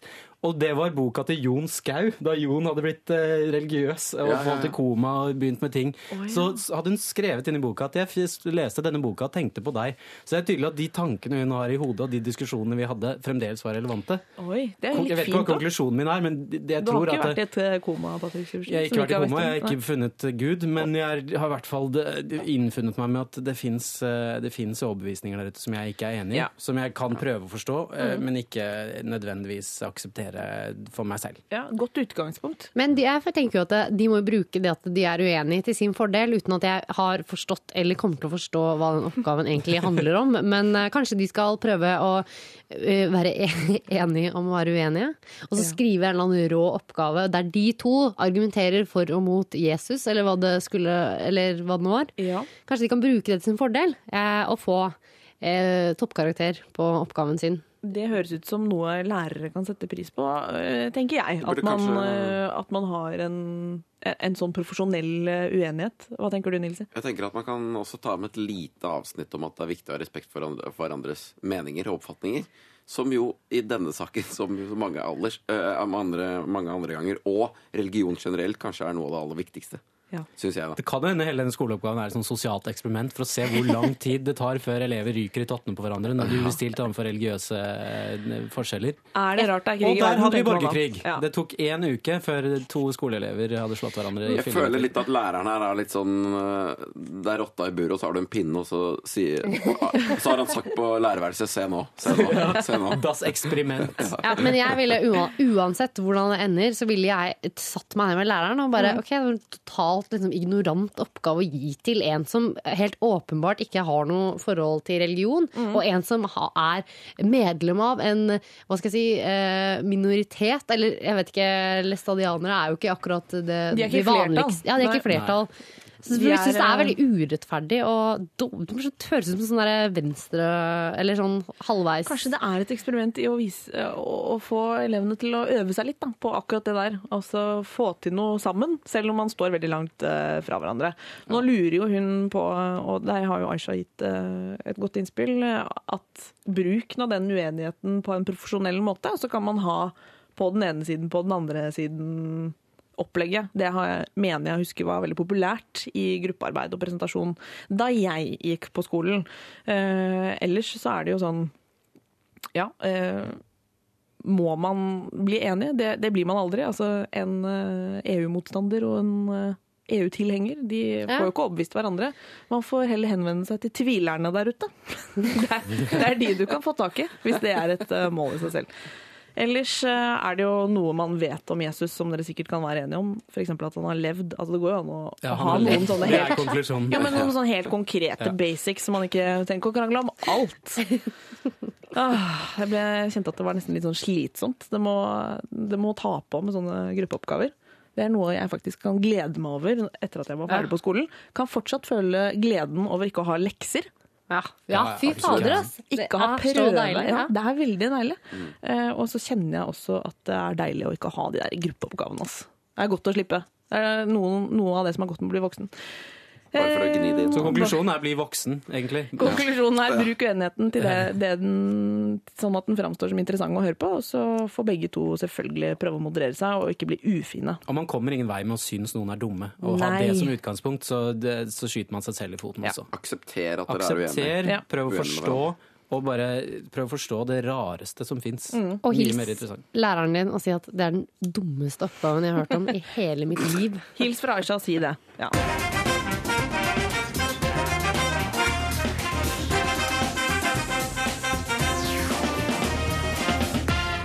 Bad Things med Jace Everett der, og før det så var det Kaizers Orchestra og De Grind. Eh, Du lytter til Lørdagsrådet. Det er jeg, Benedicte Wessel Holst, og et eh, alltid kompetent panel gjør vårt eh, beste for at du skal få orden på følelseslivet ditt.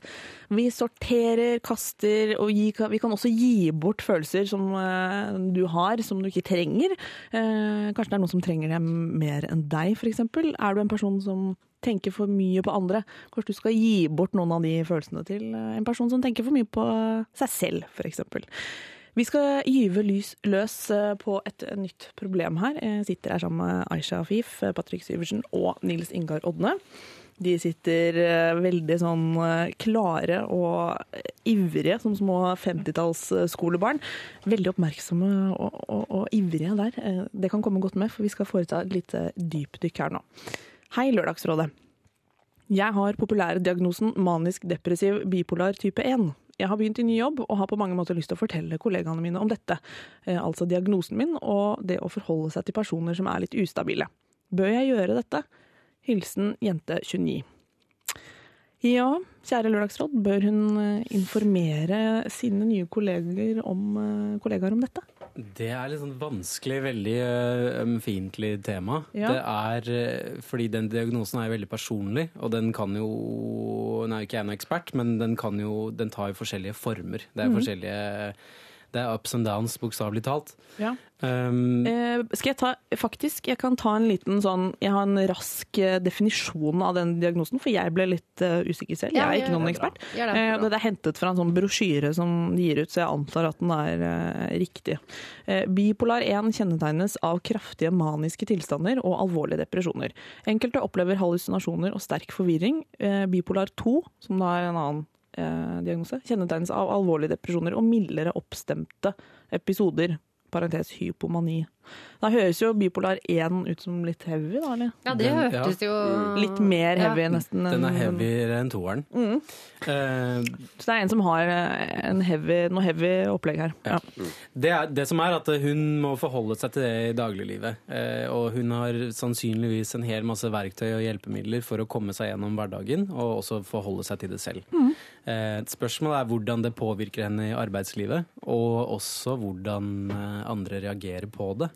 Så, men det er ganske sånn ømfintlig, fordi én ting er å komme først eh, på jobben og bare si 'hei, jeg er bipolar 1, skal jeg forklare dere hva dette er'? Eh, det, det kan virke avvæpnende, men det kan også være du kan også foregripe, fordi eh, etter mine erfaringer med mennesker som jeg har kjent, som har hatt eh, type forstyrrelser, så, så har de ofte klart seg i arbeidslivet.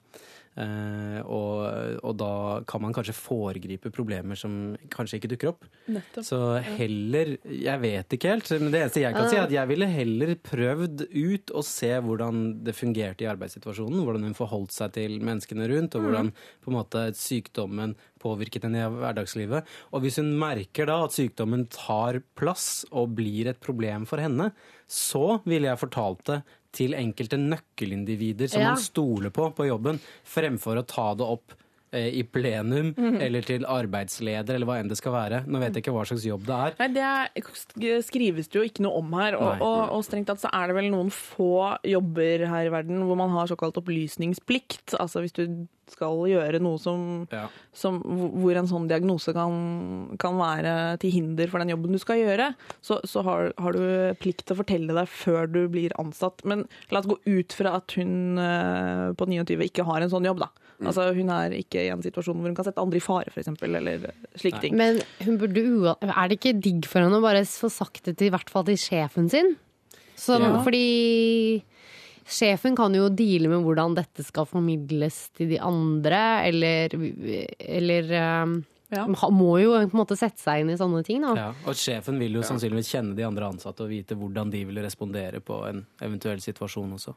Ja, og jeg tenker at dette er jo en såpass alvorlig øh, ting at øh, det vil jo prege henne på en eller annen måte. Og da vil jo de andre kollegene oppfatte det. Og da er det kanskje greit at de, at de vet det, tenker jeg. Så trenger hun ikke å være bekymra for det i tillegg. At, om, at, å tenke på at hun må skjule ting, eller at hvordan reagerer de. Altså, da blir det Jeg er litt uenig, jeg. Enda mer, kanskje. Ville du ikke Nei, jeg jeg, nå virker det som dere har Alle ser for dere en veldig sånn eh, sjef med masse sånn eh, menneskelig kompetanse. Det fins jo ikke. som, eh, som vet hvordan man takler enhver Ja, både diagnose og, og enkeltindivid. Vet ikke. Det er ikke alltid sjefen er en sånn type. Kanskje man risikerer å få det slengt tilbake i fleisen. Nei, men da har man i hvert fall sitt på det. Det kan de jo ikke gjøre. Det har du ikke lov til å gjøre, har de det? Eh, lov til å bruke det det mot deg, liksom. Ja, så Eh, kommer du hit og er bipolar. Ja. Nei, men, Nei, kanskje at, ikke. Det er masse nei, regler i arbeidslivet. De brytes jo øh, også, Ja. uten at man nødvendigvis uh... Men jeg tenker jo bare at det er hun Da har hun sikt på det. Hun har Ja. sagt ifra. Sånn Ja. er situasjonen min. Ja. Mm. Men jeg syns også det er vanskelig å si, for jeg skjønner, jeg, jeg skjønner ikke hvordan det hø Når du leser opp fra den Mm. brosjyren, så høres det jo ut som hun sitter på jobben og hallu- hallusinerer. Ja, hallusinerer. Det må vi anta at hun ikke Eh, gjør, da. Hun gjør jo ikke det. Det, det altså, er sannsynligvis dager hvor det er helt fint, og så er det dager hvor det er bølgedaler. Eh, og Derfor tenker jeg det at hvis det er en jobb hvor det er flere ansatte og flere kolleger, så er sannsynligheten for at man får noen nærmere venner der, er ganske stor. Så jeg ville liksom startet i det små. Jeg ville ikke hatt det som icebreaker. Hey, look at my condition. Særlig ikke hvis hun er helt ny. Nei. Jeg tipper hun kanskje har en ny eh, altså hun, har vel, ja, hun har begynt i en ny jobb. Har på Ja. mange måter lyst til å Kanskje hun skal måte etablere seg litt mer i stillingen. Men det er så vanskelig å si, For hun sånn at hun ikke blir den bipolare nye kollegaen. ja. Og hun vet jo det at uh, Hun vet jo med seg selv hvor mange venner hun har, har fortalt til. Og Mm. som du sier at øh, hun får jo Man blir jo god venn med kolleger man jobber tett med. Ja. Og da vil hun jo helt naturlig si det på et eller annet tidspunkt. Men i utgangspunktet så er jeg sånn, selv om jeg følger jo ikke denne regelen selv på noen som helst måte, men jeg liker egentlig tanken på å bare ha ting egentlig litt privat. Eh, fra jobben. Selv om jeg sitter Mm. Ja. jo øh, på Kan jo være på liksom julebord sammen med på en måte, eh, alle i P3 og får snakke masse om eh, livet og vi diskuterer og hvordan har vi det og sånne Mm. ting. Men, så vil, men egentlig så syns jeg det er litt mer proft å bare være sånn Ha Du er på jobb. Ja, at du, at du skiller det litt. Men det er veldig vanskelig. Jeg er den siste Ja. som følger det rådet. Men Vi er kanskje mange på vår alder og ja, opp, hun er 29, hun som sender inn. Altså, det er jo, vi lever jo i en tid hvor, hvor de skillene er veldig vasket ut. Altså, De fleste har jo både bestemødre og sjef på Facebook, og vi deler og Vi lever jo i en sånn delekultur, men det er kanskje noen ting som, som man skal dele med f.eks. legen sin og partneren sin, og Ja. så være veldig velge med omhu de, de andre man deler med. Vær forsiktig med det òg, fordi det er sånne diagnoser og bare sånne situasjoner, hva enn det vil være, så er det veldig lett å la seg selv definere av ja. de, eh, de eh, afflictions man har. Da. Eh, og det er veldig viktig at hun anser seg selv som en, en person som kan fungere i arbeidslivet, kan fungere ute blant mennesker uten å nødvendigvis måtte buse ut med de problemene hun sliter med i begynnelsen. Eh, det handler litt om hvilken innfallsport hun har til sin sykdom også. Ja. Eh, hvis det første hun tenker at dette er noe jeg må informere om, eh, folk om, så gjør hun det også til et problem for seg selv, også når det ikke er et konkret problem. Eh, det vil jo alltid det har jo tydeligvis ikke alltid, vært et problem ennå i denne nye jobben. Nei, for det vil jo alltid være der. Eh, men med en gang behovet for å formidle det til noen som man føler at man stoler på, som man føler at man ikke på en måte kommer til å bruke det mot deg igjen, så syns jeg det er greit å dele det. Men, Men for- jeg, jeg bare tror at det er lurt Det er digg for henne å si det til sjefen. Hvis det er et eller annet, hvis det er det at hun kommer til å komme litt for seint på jobb noen ganger, eller hvis det blir liksom Så er det digg. Jeg, jeg tenker sånn, det må jo være så litt som å eh, kanskje hvis eh, man er gravid, da. Eh, at man kan si det til sjefen. Bare sånn 'Jeg kommer til å være dårlig', jeg kommer, bare så du vet det. Det er ikke fordi jeg skulker unna, eller fordi eh, eller, eller har en eller annen Eller jeg har ryggproblemer. Derfor så har jeg, trenger jeg tid på morgenen til Jeg vet da søren, jeg. Men uansett. Kan være digg å ha én en sånn alliert. eh, Det kan hende at sjefen eh, Vi vet jo, som du sa i stad, at eh, vi vet jo ikke hvem sjefen er, og hvordan. Det er ikke sikkert det er et stort følelsesmenneske i den sjefen. Eh, Det er jo noen Det fins jo sjefer som ikke er det. Eh, Men da tenker jeg at eh, kanskje det er greit at de får vite, og så bruker de kanskje litt tid på Ja. å forstå det. Men det er Ja. kanskje like greit. Hva med de som Fins det ikke noe sånn derre Uh, hun, hun, jeg går jo ut fra at hun får hjelp for det her. Noen har jo gitt henne denne diagnosen òg. Mm. Kanskje de har en, et eller annet syns, synspunkt på hvordan hun Helt burde garantert. deale med det her? Ja. Snakk med Det er første gang jeg sier det i løpet av denne sendingen. Snakk med fastlegen din!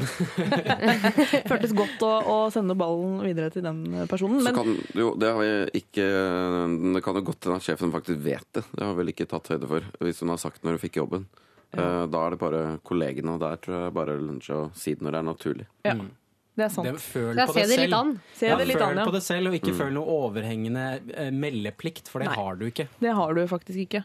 Eh, og så kan man eh, Du har ikke meldeplikt, og, og hvis du vil, så kan du gjøre det, men vær også oppmerksom på at en sånn diagnose kan eh, være Det kan bli mye mer eh, du kan bli satt i en bås i større grad enn du kanskje hadde forestilt deg, og det er kanskje ikke det man har mest lyst til. De aller fleste er jo veldig mye mer enn eh, hva de måtte ha av diagnoser, og en ny jobb er jo en god anledning til å, å vise de sidene, i hvert fall en god stund, Ja. før eventuelt andre ting må, må tas opp og informeres om. Og kanskje Man- forklare det, fordi det kan hende som også at mange må hjem og google hvis hun bare sier Ja. diagnosen. Nettopp. Men man er, ja, for man er jo ikke diagnosen. Det er noe man har, men du, du er, det er ikke alt med deg. Nei.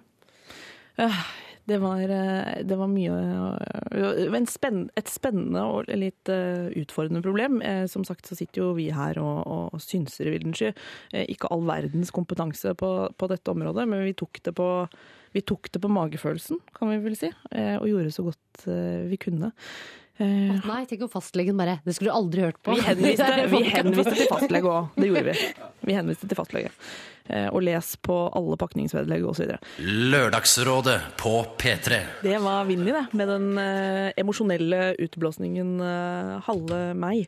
Vi sitter her i eh, Lørdagsrådet. Eh, jeg heter Benedicte Wessel Holst. Jeg har med meg Aisha Afif fra P3. Eh, Nils Ingar Odne, komiker fra Senkveld, mellom Anna, og filmregissør Patrick Syversen. Så vi sitter eh, her, som sagt, og får inn problemer på løpende bånd på mail og SMS, og noe har vi forberedt, oss, eh, forberedt oss på fra forrige uke også. Det er nemlig sånn at eh, de av dere som sender inn problemer til oss, vi tar veldig godt vare på dem, og vi bruker dem, og vi leser dem, og så, så fortsett å gjøre det. Eh, Vi har fått inn eh, noe akkurat nå, faktisk. Eh, Hei, jeg ligger i New York og får ikke sove. Hva skal jeg gjøre? Det er utrolig sært å høre lørdags morgenprogram midt på fredagsnatta. Dere er bra, står det også. Peace, Åshild. Hyggelig å høre, men det er altså en søvnløs dame i New York. Aisha, du er jo Jeg har vært Vært søvnløs mye i New York York, mange ja. ganger. Eh, det, det er mer enn jeg har. jeg, er, Seattle med Meg Ryan. jeg er det ofte. For jeg er ofte i New York fordi uh, mannen jeg elsker, bor i den byen. Og mannen du elsker bor i New York. Ja, det var nydelig sagt. Eh, Det høres nydelig ut. Lag en det er ganske døvt, egentlig. Men uh, søvnløshet eh, Og jeg går ut fra at hun enten da nettopp har kommet Eller hva er årsaken til at hun ikke jeg- får sove? Er det at- jetlag, eller er det Jeg tipper det kanskje er det. Om det ikke er jetlag, så er det kanskje litt ferskt. Og Ja. at man har problemer med den forskjellen for, eh, for de av dere som ikke har vært så innmari mye i New York. Jeg vet Jeg- at eh, det er en del av dere, inkludert meg selv. Man blir visst veldig, veldig trøtt. Jeg har et kon veldig konkret eh, tips. Mhm. Jeg vet ikke hvor hun- det er hun er i New York, men det hun skal gjøre, er at hun skal gå ut, sette seg i en taxi, kjøre til nærmeste Dwayne Reed, som er et slags apotek slash eh, 7-Eleven. Der, i, i kassa der, fins det en liten flaske som heter Dreamwater. Du kjøper den, koster ca. én dollar for hver flaske. Tar taxi tilbake, drikk den. Etter 20 minutter så passer du ut som en baby. Er det sant? Mhm. Åh, Åshild i New York, har du noen gang ja, Hva slags liv lever du? Det er også et spørsmål. Et liv der man drikker små flasker for å kunne sove. Med drømmevann. Drømmevann er det beste man kan drikke. Det er jo så mange deilige eh, reseptfrie Ja, det er faktisk det. Midler er du kan få tak i. altså. Ja. Så hvis dette bare er liksom et engangstilfelle, mm. så er det det jeg vil anbefale. Hvis det er noe, dette er et vanlig problem for henne i hverdagen, Ja. så er rutiner nøkkelen her. Ok. Du må ha strenge rutiner før du går og legger deg. Å, ja. Skru av mobilen og dataen en time før du går og legger deg. Ta en dusj. Eh, ha det kaldt på rommet ditt. Kjø, invester i en digg pute som passer deg perfekt. Så kommer du til å sove. Og uh, ikke minst, uh, nå skal vi passe oss så ikke dette blir sånn kjerringrådprogram.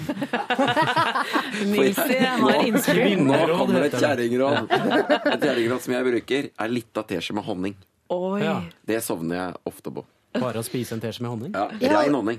Å ja. Rett ned. Det er rett ned. Akkurat. Jeg har også hørt at eh, hvis du eh, lukker øynene, og så ser du oppover med lukkede øyne, så skal det jo trigge noe, eh, no- noe greier i hjernen, og det skal du bli trøtt av. Du skal visstnok også bli trøtt av å klype deg selv på nesa i fem minutter. Hvis Fem du, minutter? ja, du må, det, det høres lenge ut, men inn, i løpet av de fem minuttene så skal du da ha sovnet. Jeg vet ikke, jeg, Åshild, men eh, jeg har i hvert fall aldri fått flere konkrete råd om hvordan man skal sovne på, Også, på forskjellig vis. Og her kommer det et på slutten nå. Jeg kommer rett på slutten nå, fordi eh, jeg husker fra jeg var liten, så, så dette kom jeg på nå for litt siden. Så sa alltid mamma når jeg ikke fikk sove Jeg kom ut, jeg får ikke sove. Så sier hun Har du prøvd Og da kunne jeg bare Nei, vet du hva, det har jeg ikke gjort. Og så kom lå jeg 29 år i senga for litt siden. Ah, faen, får jeg ikke sove? Og så te- sa jeg til meg selv Har du egentlig prøvd? Så prøvde jeg. Da sov jeg. Oi. Ja, jeg, har, jeg, jeg sover faktisk nesten aldri, så jeg har ikke noe tips der. Men jeg kan jo være det er et sympati. veldig relevant tema. Jeg Jeg kan, Åshild men jeg kan gi sympati og Ja. si at jeg vet akkurat hvordan det føles. Ja. Jeg sover ikke fordi jeg tenker så mye. Ja. Eh, og det er kanskje Aisha sitt, sitt eh, tips om rutine er eh, bra, fordi jeg har med meg jobben langt inn i natta og vel Ja, så det er det. tenker Eh, så hjulene går hele tiden. Mm. Og skriv lister. Ja, Skriv ting du, de tingene du bekymrer deg over, og som du gjerne tenker sånn Å, jeg må gjøre det i morgen. Sånn. Skriv det på en liste, og så har du det på sant. blokka. Systematiser litt ting rundt deg, for det er i hvert fall ting jeg prøver på. Jeg tenker veldig mye, og da prøver jeg å ha det ryddig rundt meg. Prøver å ha liksom litt ro i Ikke ha hjemmet. med Mac-en opp i senga Nei, og slå. Ikke liksom sjekk Twitter-feeden rett før du lukker øynene. Det er en del ting man må rydde opp i. Det Ja. som kan hjelpe. Ja. Eh, Patrick, du bør også prøve en Skal prøve å sove. eh, Ta, Jeg kan ta med, prøv dream, jeg kan ta med Dreamwater Ja. til deg neste gang. Ja. Eh, en teskje honning der. Lørdagsrådet. Kings and Queens, 30 Seconds to Mars, og før det så var det Daft Punk og One More Time. Kjære Lørdagsrådet. Jeg har møtt en flott fyr på nettet. Vi treffes nå og da når vi har mulighet. Jeg stortrives i hans selskap og føler endelig at jeg har en på kroken som jeg faktisk er genuint interessert i, og kan se for meg et eh, langt liv med. Vi har kjent hverandre siden desember.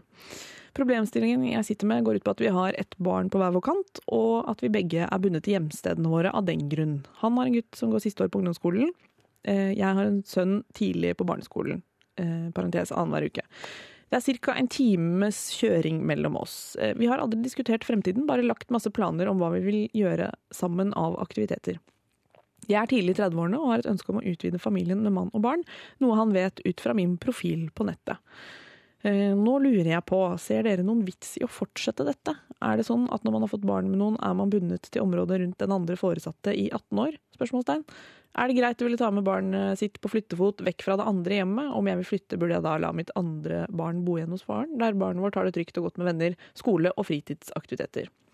Eh, vil understreke at eh, barnet er sosialt utadvendt vesen som lett vil komme inn i en ny sosial setting. Jeg har flyttet en del selv som barn, og selv om det ikke var selvvalgt, så ble jeg ikke skadet for livet av dette. Ber om gode råd. Hilsen kjærlighetsnissen. Her var det jo veldig mange momenter, men det er åpenbart at kjærligheten den knakker på døren. Eh, skal hun slippe den inn? Hva syns dere? Det er gøy med kjærlighetsnissen! Det er koselig med kjærlighetsnissen. Ja, ja, det er jo litt det er nissen, det. Ja. med kjærlighet i tillegg. Å, det var vanskelige spørsmål. Ja, det var litt vanskelig. Kan Ja. jeg si én ting sånn programleder først? Altså, her var det jo nesten noen sånne spørsmål underveis som var nesten noe man stiller en advokat eller noe. Altså, det var veldig sånn konkret. Jeg, jeg har googla litt eh, og tatt eh, en, et par telefoner. Jeg kan si sånn at dette med barn og sånt, eh, hvor de hører hjemme Du må være enig Hvis du deler omsorgen med barn, så, så skal begge godta en flytting, bare så det er sagt. Og hvis barnet er når barnet er 15 år, så kan vel de bestemme selv hvilken forelder de vil bo hos. Ja. Det er noe av det jeg har funnet ut. Men utover det så kan vi kanskje konsentrere oss litt om de andre tingene. Hva syns dere? Det er viktigere å fokusere på hva hun føler i forhold til relasjonen. Ja. For det er vel der spørsmålet er. Ja. Derav navnet Kjærlighetsnissen. Ikke sant? Så eh, Men bakgrunnen er jo at hun har et barn, og han har et barn. De bor langt unna hverandre. Og Ja. barnet hennes går eh, på, På barneskolen barneskolen. Tidlig barneskole. Ja. annenhver uke. Nei da, hun har barnet annenhver uke. ja. Hun har barnet Ja. Eh, Så, eh, og så lurer hun på om det da er gunstig å eventuelt flytte dit eh, han bor. ja. Eller eh, så er jo alternativet at han flytter dit hun bor, hvis Ja. det da i det hele tatt er snakk om. Ja. Det virker som om dette er ganske tidlig i forholdet, for de har møtt hverandre på nettet, og det var i desember, og nå Mm. har de utviklet et forhold. Eh, Nå er det jo nesten mai, så det har ikke vart så lenge. Mm. Nei. Så eh, jeg syns at de er på en ganske sånn Jeg syns bare at hun stiller disse spørsmålene til seg selv og, på en måte er såpass oppegående, er, gir en god indikasjon på at hun er opptatt av å velge riktig. Ja. Ikke bare for seg selv, men også for barnet. Og det er et veldig bra utgangspunkt.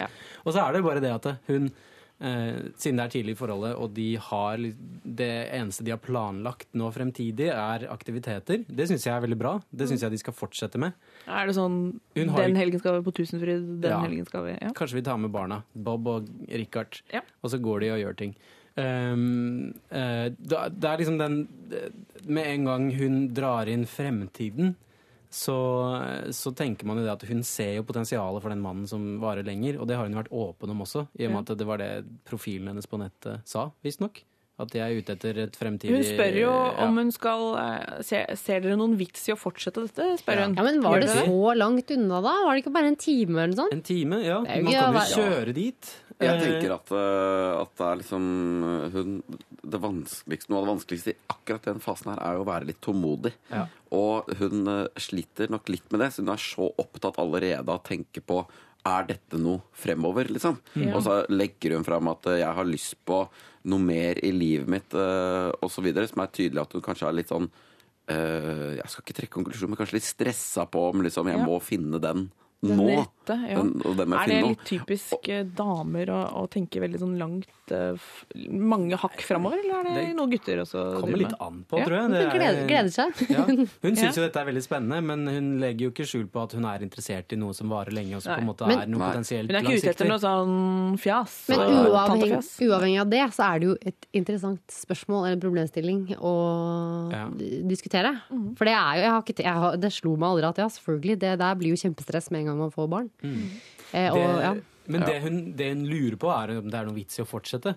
Og jeg tenker at Hvis hun liker han, og han liker henne, og de har en god tone, så er det ingen grunn for at de ikke skal gjøre aktiviteter sammen. De er jo kjærlighetsnissen. Ja. De er jo ikke de første i Norges land som har barn på hver sin kant og, og etablerer seg på nytt. Dette Nei. har jo blitt eh, forholdsvis vanlig, kan vi vel kunne slå fast. Så her fins det nok av folk hun kan finne ut eh, hvordan det har fungert eh, for. Altså Kanskje hun til og med har venninner som har vært i samme situasjon. Det fins masse informasjon om hvordan man løser disse tingene. Og, og hvis hun ikke har et veldig betent forhold til sin forrige mann, som hun har barn med, så, så lar nok dette seg løse på et eller annet vis. Det blir litt mer organisering, men, men det lar seg jo løse. Det tror jeg også. Og så er det liksom Det er fire-fem måneder siden dette ble etablert. Jeg tenker at eh, det er bare å kjøre på og la det etablere seg enda mer en stund fremover. Så ser man litt uh, hva som skjer, rett og slett. Ja. Tålmodighet er et veldig godt uh, stikkord. Men hva om de altså. møtes på halvveien? Så det blir en halvtime til Mm. hvert sted. De ungene, Er det lov å be de ungene ta bussen en halvtime i skolen? Er ikke det greit? Får, Det er kan, eh, det kan faktisk være et alternativ. Kanskje det ligger et, eh, en liten by eller et tettsted eh, som et slags kompromiss mellom disse to. Eller hvis, hvis barnet til denne kvinnen er såpass ungt, går på barneskolen, og han har et voksent barn i slutten av tenårene, så Ja. er jo det barnet, som du sier, kan jo velge hvor han vil bo. Så kanskje, kanskje mannen, eh, potensielle kjærlighetsmannen, skal, kjærlighetsnissen, skal flytte dit hun bor. Det fins Det er et mange Det alternativ er et alternativ. Det er mange er, dette, er dette bra nok, så finner man alltid en løsning. Ja. Ja, Det får bli siste ord eh, til kjærlighetsnissen. Vi er i hvert fall eh, ganske enige her om at eh, det er ingen grunn til å avslutte dette. Du må antageligvis orge litt mer enn enn hvis dere begge var uten barn og bosted, men, men sånn er jo livet, da. er det Sånn ikke sånn det Ja. Eh, her får du Bittersweet og Electric City. Vi har et nytt problem, for det stopper jo ikke det her. Det baller jo på seg. Det ene tar med det andre. Og, og eh, noe får vi løst opp i, men det ser ut til å være en slags evighetssirkel, dette. Hei, Lørdagsrådet. Jeg er student, men har en deltidsjobb ved siden av. Nesten hver gang jeg jobber, jobber jeg sammen med en annen som bare forsvinner flere ganger under økta, stikker innom iblant og spør om det går bra, og tar et lite tak.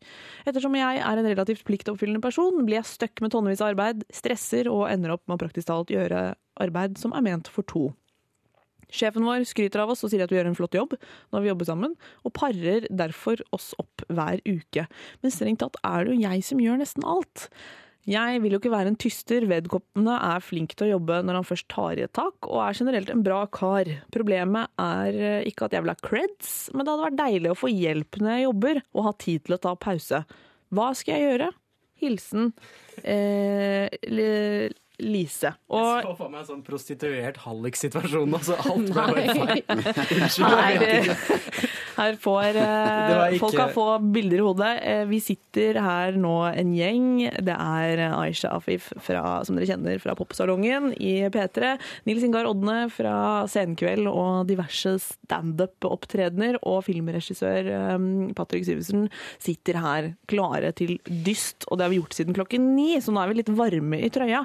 Og hva skal denne, skal vi kalle henne Flittig-Lise gjøre? Det er jo åpenbart en unnasluntrer her som kanskje har hatt denne tonen siden gruppearbeid Ja. i o-fag. Ja, Så har han jeg lent seg på disse flinke jentene. Irritert av å tenke Ja. på han fyren. Eh, nei, han må bare outes. Ja, han må det, det. er, eh, det, er, det er forskjell på å tyste og, og la rett være rett. Jeg syns at man skal konfrontere vedkommende med dette her. Det er flere situasjoner Ja. man kan oppleve det at man gjør veldig mye jobb, eh, og så får andre æren for det. Eller man må dele æren med noen. Noen Eller at noen bare sniker seg Ja. unna. Det er så og- dårlig, det er så ganger- dårlig gjort. er Ja. hva- Det er forferdelig. Sniker, hvor er han går han? Går han ut Nei. vekk fra arbeidsplassen? Stikker? Går han hjem, eller? Det er jo en del arbeidsoppgaver Nilsi, som ikke er så avslørende at man sluntrer unna som om hvis du ikke skulle stå på scenen og stå ut og røyka istedenfor. Men uh, det er jo noen som jobber f.eks. Jeg har jobbet uh, i, litt grann i helsevesenet. Da var det jo noen som var veldig mye ute og tok røykepauser, f.eks. Det, det er en måte å sluntre unna på. Uh, ellers så kan det hende at de driver med noe sånn lagerjobbing, jeg vet ikke. Kanskje de har et pauserom. Noe har de i hvert fall anledning til å, å snike seg vekk fra. Men Det er veldig frustrerende. Den er type urettferdighet er Ja. veldig frustrerende, fordi da føler man virkelig at man drar et stort lass, og så er det andre som blir kreditert for det. det Det skal er det ikke- som skjer. Men det skal ikke være sånn at jeg blir så irritert Eller sånn, det, at det er blitt sånn at hun føler seg som en tyster. Ja. Hvorfor det? Hun gjør jo bare jobben sin, Ja, og han gjør åpenbart ikke sin jobb. Det hun bør gjøre, er at hun bør er ikke- konfrontere Jeg synes hun bør konfrontere han først. Ja. Og si OK, nå skal jeg, og neste gang de jobber sammen, så syns jeg hun bare skal notere hva hun gjør, og hva han gjør, og så bare sette opp en liste og så si Ja. OK, dette er økta vår. Dette har jeg gjort. Dette har du gjort. Ser du at det er en skjev fordeling der? Jeg syns det er helt kult at vi jobber sammen hvis vi har en god tone, men da må vi fordele likt, riktig. Fordi hvis ikke så skal jeg ha så og så mye prosent mer lønn enn deg, og det kan jeg godt ta til sjefen. Det er helt greit hvis du bare vil jobbe fire timer om dagen, men eh, da skal jeg Ja, jeg tenker sånn, åh, trenger alltid, Det er veldig godt forslag. Dette må alltid gå i den konfrontasjonen. Det gjelder jo egentlig i alle livets sammenhenger. Så, så bør man jo konfrontere, som det heter. Kan hun ikke bare gå til sjefen da og si at han er en ubrukelig fyr? At Jo, hun er kjempelei? men Må hun det er mer fair. For han er, nok, øh, han er nok litt kynisk øh, på dette her. Siden han, som hun skriver, kommer innom og spør om det går bra. Så er det tydelig at han, han legger opp til denne Går det bra undersøkelsen. her? Dette fett, eller? Ja. Går det fint med deg, du som gjør all jobben? Men hun fort- jeg, jeg er på, er på en måte enig i at han, eh, han fortjener å få høre det fra henne først en gang. Mm. Før sjefen kommer og liksom For det kan hende hun er avhengig av å måtte jobbe med han hele tiden. Ja. Eh, og hvis hun går til sjefen, og det blir en kjip situasjon, så har hun plassert seg selv i en situasjon hvor hun egentlig burde ha konfrontert han først. For det kommer, det kommer til å komme tilbake til han uansett. Ja, for da, Ja, da, kan ikke, da kan ikke han si nei, men hvorfor tok du ikke med meg først? Ja. Sånn, han kommer til å Og så gjøre må hun tørre Sorry, ass, men hun må bare tørre å være litt bitch, liksom. Og bare være sånn der Hei, har du gjort den eh, oppgaven, liksom? Eller sånn Ja. Det er ubehagelige spørsmål å stille, men bare sånn gjennom arbeidsdagen, sjekk på han. Bare sjekk, sjekk at han har gjort det han skal gjøre. Eh, fordel, Vær utrolig nøye på å fordele arbeidsoppgaver, liksom. Ja. Og da er, blir det vel, blir veldig tydelig eh, at eh, han sluntrer unna. Kanskje de, kan lage en, ja, kanskje de kan lage en arbeidsliste. Da gjør du det, Eh, så gjør jeg det. Så ja. er det, det som er igjen, er det han ikke har gjort. Ja, konkrete Så får man se hvem som får skulderklapp, Og- da. og det kan man også ta med sjefen eventuelt. Sånn der, vi må ha klart definert oppgaver. Det kan sjefen bestemme òg. Han kan si sånn hei, du har ansvar for det, og du har ansvar for det. Ja. Og så legger jeg også merke til at hun blir jo, som hun skriver, teamet opp med denne personen. Det er åpenbart liksom et team. sånn Går det an Utrolig å si 'jeg har lyst til å være på team med noen andre', jeg, hvis, Ja. hvis det ikke blir bedre? Ja, og det er så Ja. typisk som skjer med folk som er, som er flinke til å jobbe, og flinke til å på en måte være positive og bare deale med de utfordringene de får. De blir satt sammen sånne håpløse mennesker for å dra de sammen. Av, Ja. eh, Men det er, må, det må det, er det sånn i merker- arbeidsliv også? Det er ingen- Ja, det er det. Og jeg merker at eh, hun har min største sympati. Jeg misliker så Altså, det er det verste jeg veit. Ja, det er folk det som ikke gidder å gjøre noe. Folk som ikke uh, legger Ja. en innsats i det hele tatt. Han Eh, bæsjer på tiden hennes. Sorry, ass. Ja. Nei, kjære Lise, jeg håper du hører på. Eh, Du har et samstemt lørdagsråd som syns at du, du må bare komme deg ut av den situasjonen der. Første omgang, denne arbeidslista var en god idé, og ikke sånn full clinch med en gang. Bare sette på en liste hva som skal gjøres. Det som ikke blir gjort, det er hans feil. Helt tydelig. Be om en annen teampartner og snakk med sjefen, for dette er i hvert fall ikke tysting. Det er jo helt reell informasjon, og du skal ikke dra lasset for han uh, latsabben der. Og hvis hun ikke sier fra, så kommer hun til å bli satt sammen med han, teamet opp med han resten av livet. Og da lar du deg selv utnytte, og da, da lar du ferdighetene dine gå til spille. Åh, jeg håper, du, jeg håper det løser seg. Send oss gjerne en oppdatering på om, du, om det blir noe bedre. Hvis du hører på nå, så vil vi gjerne høre fra deg etter at du har konfrontert eh, latsabben, satt opp arbeidsliste og eventuelt snakket med sjefen. Det har vi kjempelyst til. Eh, nå begynner det å nærme seg slutten på hele Lørdagsrådet. Eh, vi skal kose oss litt med Donkeyboy og Pull of the Eye først. Lørdagsrådet. Åh, det var Heartbeat med Childish Gambino. Ganske rå type han der. Ja, du, det ser du danser i stolen. Ja, jeg danser litt. Eh, Jeg har fått med meg eh, Arrester meg hvis jeg tar feil, men er ikke han liksom standup-komiker, tekstforfatter og musikkartist? Altså en slags eh, vellykket sort Christian Valen, på et vis. Det er jo det er ikke det verste man kan være, er det det? Jeg vet ikke helt. Nei, før det. Før eh, Childish Gambino så fikk du Donkeyboy med Pull of the Eye. Eh, kjære lytter, vi har kommet til det punktet Det er mange som er veldig glad i Donkeyboy her i panelet. Vi må kose oss litt med det. Det er bare navnet Donkeyboy som jeg syns er morsomt. Jeg, har liksom, jeg kan ikke helt sitte Patrick har en hangup på det. Ja, Det må være greit. det er lov, det. Vi har faktisk kommet til det punktet i sendingen hvor vi skal dele ut en T-skjorte. Og det er eh, til dere her i Lørdagsrådet og, og til du som hører på, så er det altså eh, en eh, Lørdagsråd-T-skjorte til en av dem som har sendt inn problemer i dag. Og den skal da gå til den som fortjener det mest, eller kanskje har størst utbytte av å gå rundt i akkurat en sånn trøye. Og det er altså Aisha Afif, Patrick Syversen og Nils Ingar Rodne som skal bestemme hvem som skal få dette betydningsfulle klesplagget. Eh, en kjapp oppsummering eller, på hva vi har snakket om i denne tre timer lange sendingen. Ja takk. Ja, og da har vi vært innom hun eh, lillesøsteren som har eh, storebror som kommer veldig mye på besøk. Det er hun på 29 som lurer på om sin første og foreløpig eneste kjæreste er den riktige. Så har vi han som vil se fotball alene. Vi har en ung gutt som liker litt eldre damer, lurer på hva han skal gjøre med det. Eh, Så har vi vært innom gruppearbeid med eh, sånn religionsproblematikk. Veldig uenige der, osv. Eh, En bipolar arbeidstaker lurer på om det er lurt å si fra om det på jobben. Hun som lurer på om hun skal satse på nettdate. En nettdate som er veldig bra eh, foreløpig. Eh, Og så er det jo hun som jobber hardt, mens kollegaen bare subber rundt. Og hun lurer på hva hun skal gjøre med det. Eh, Kjære panel, har dere en favoritt? Åh, Altså, det er mange bra. kollegaen som må jobbe med han idioten som ikke gjør noen ting. Ja, Aisha, du har veldig hjerte for henne. Har du vært i den situasjonen selv? Eller? Nei, men jeg bare føler at man kan, det er så irriterende. Jo, eller man, alle har jo vært i en sånn situasjon og følt Ja. sånn enten på skolen Ja. Mm. eller liksom på jobben eller hvor det skulle være. At man tenker sånn faen er det jeg som gjør alt sammen? Ja. Og noen som bare høster eh, kred for den eh, jobben man gjør. Ja. Så det Ja, hun er et bra, bra alternativ. Ja. Hun er en fin statement. Jeg er jo litt sånn, har forkjærlighet for hun bipolare, da, for jeg syns at hun har så genuint eh, problem som hun, er- som hun genuint spør om hjelp. Og det syns jeg er så fint. Jeg liker, jeg liker når man har, eh, har en sykdom og har liksom noe som kan kalles en svakhet, men, men er bevisst den og gjør seg tanker rundt det og stiller folk spørsmål og spør om råd og på en måte vil gjøre ting bedre rundt seg. Da. Det Ja. liker jeg veldig godt. Så, men det er kanskje sånn politisk korrekt å Nei, gjøre. det er ikke politisk korrekt, det. Og vet jeg kanskje, kanskje det strider imot det rådet vi ga om at jeg ikke la henne defineres av sin, eh, sin sykdom. Men Nei, men hun er, ikke, hun, hun er bra fordi at hun er ikke, hun er ikke sytete i det hele tatt over eh, egen diagnose. Nei, Hun det- det- bare går på med frisk mot, og Ja, det liker og, jeg hun, godt. og hun vil gjerne bare at ting skal være så smooth som mulig. Hun. Jeg syns hun virker veldig kul. Jeg liker, eh, liker hun. Ja, men da syns jeg vi skal gå for henne. Ja. Skal vi gå rett og slett Ja, for denne bipolare arbeidstakeren? Eh, Da så kan andreplass på de eh, Ja, på- det er jo selvfølgelig alltid flere som fortjener en T-skjorte. Men T-skjorter, det eh, det er så Det har vi så lite av i samfunnet generelt at det, det må man dele ut med omhu, og da er det faktisk bare én som får. Og hun som ikke fikk sove heller, det hun glemte vi. Ja, men hun skal Men hun kose seg med disse Hun fikk jo helt sjukt bra tips. Ja, hun Han. Hun sitter i en taxi hun, på vei til å kjøpe noe sånn drømmevann. Og jeg forstår jo godt han fotballfyren, men han skal jo sitte i drakta si. Så Ja. han, eh, Han har må- ikke hatt seg noe utapå han den. kan ikke det. Nei. Hva, har du vært på Lørdagsrådet og stilt spørsmål? Ja, ja, ja. Sitter Men, her med den eh, pingle-T-skjorta di. Grattis med T-skjorte til eh, du som er eh, bipolar. Verden med stolthet.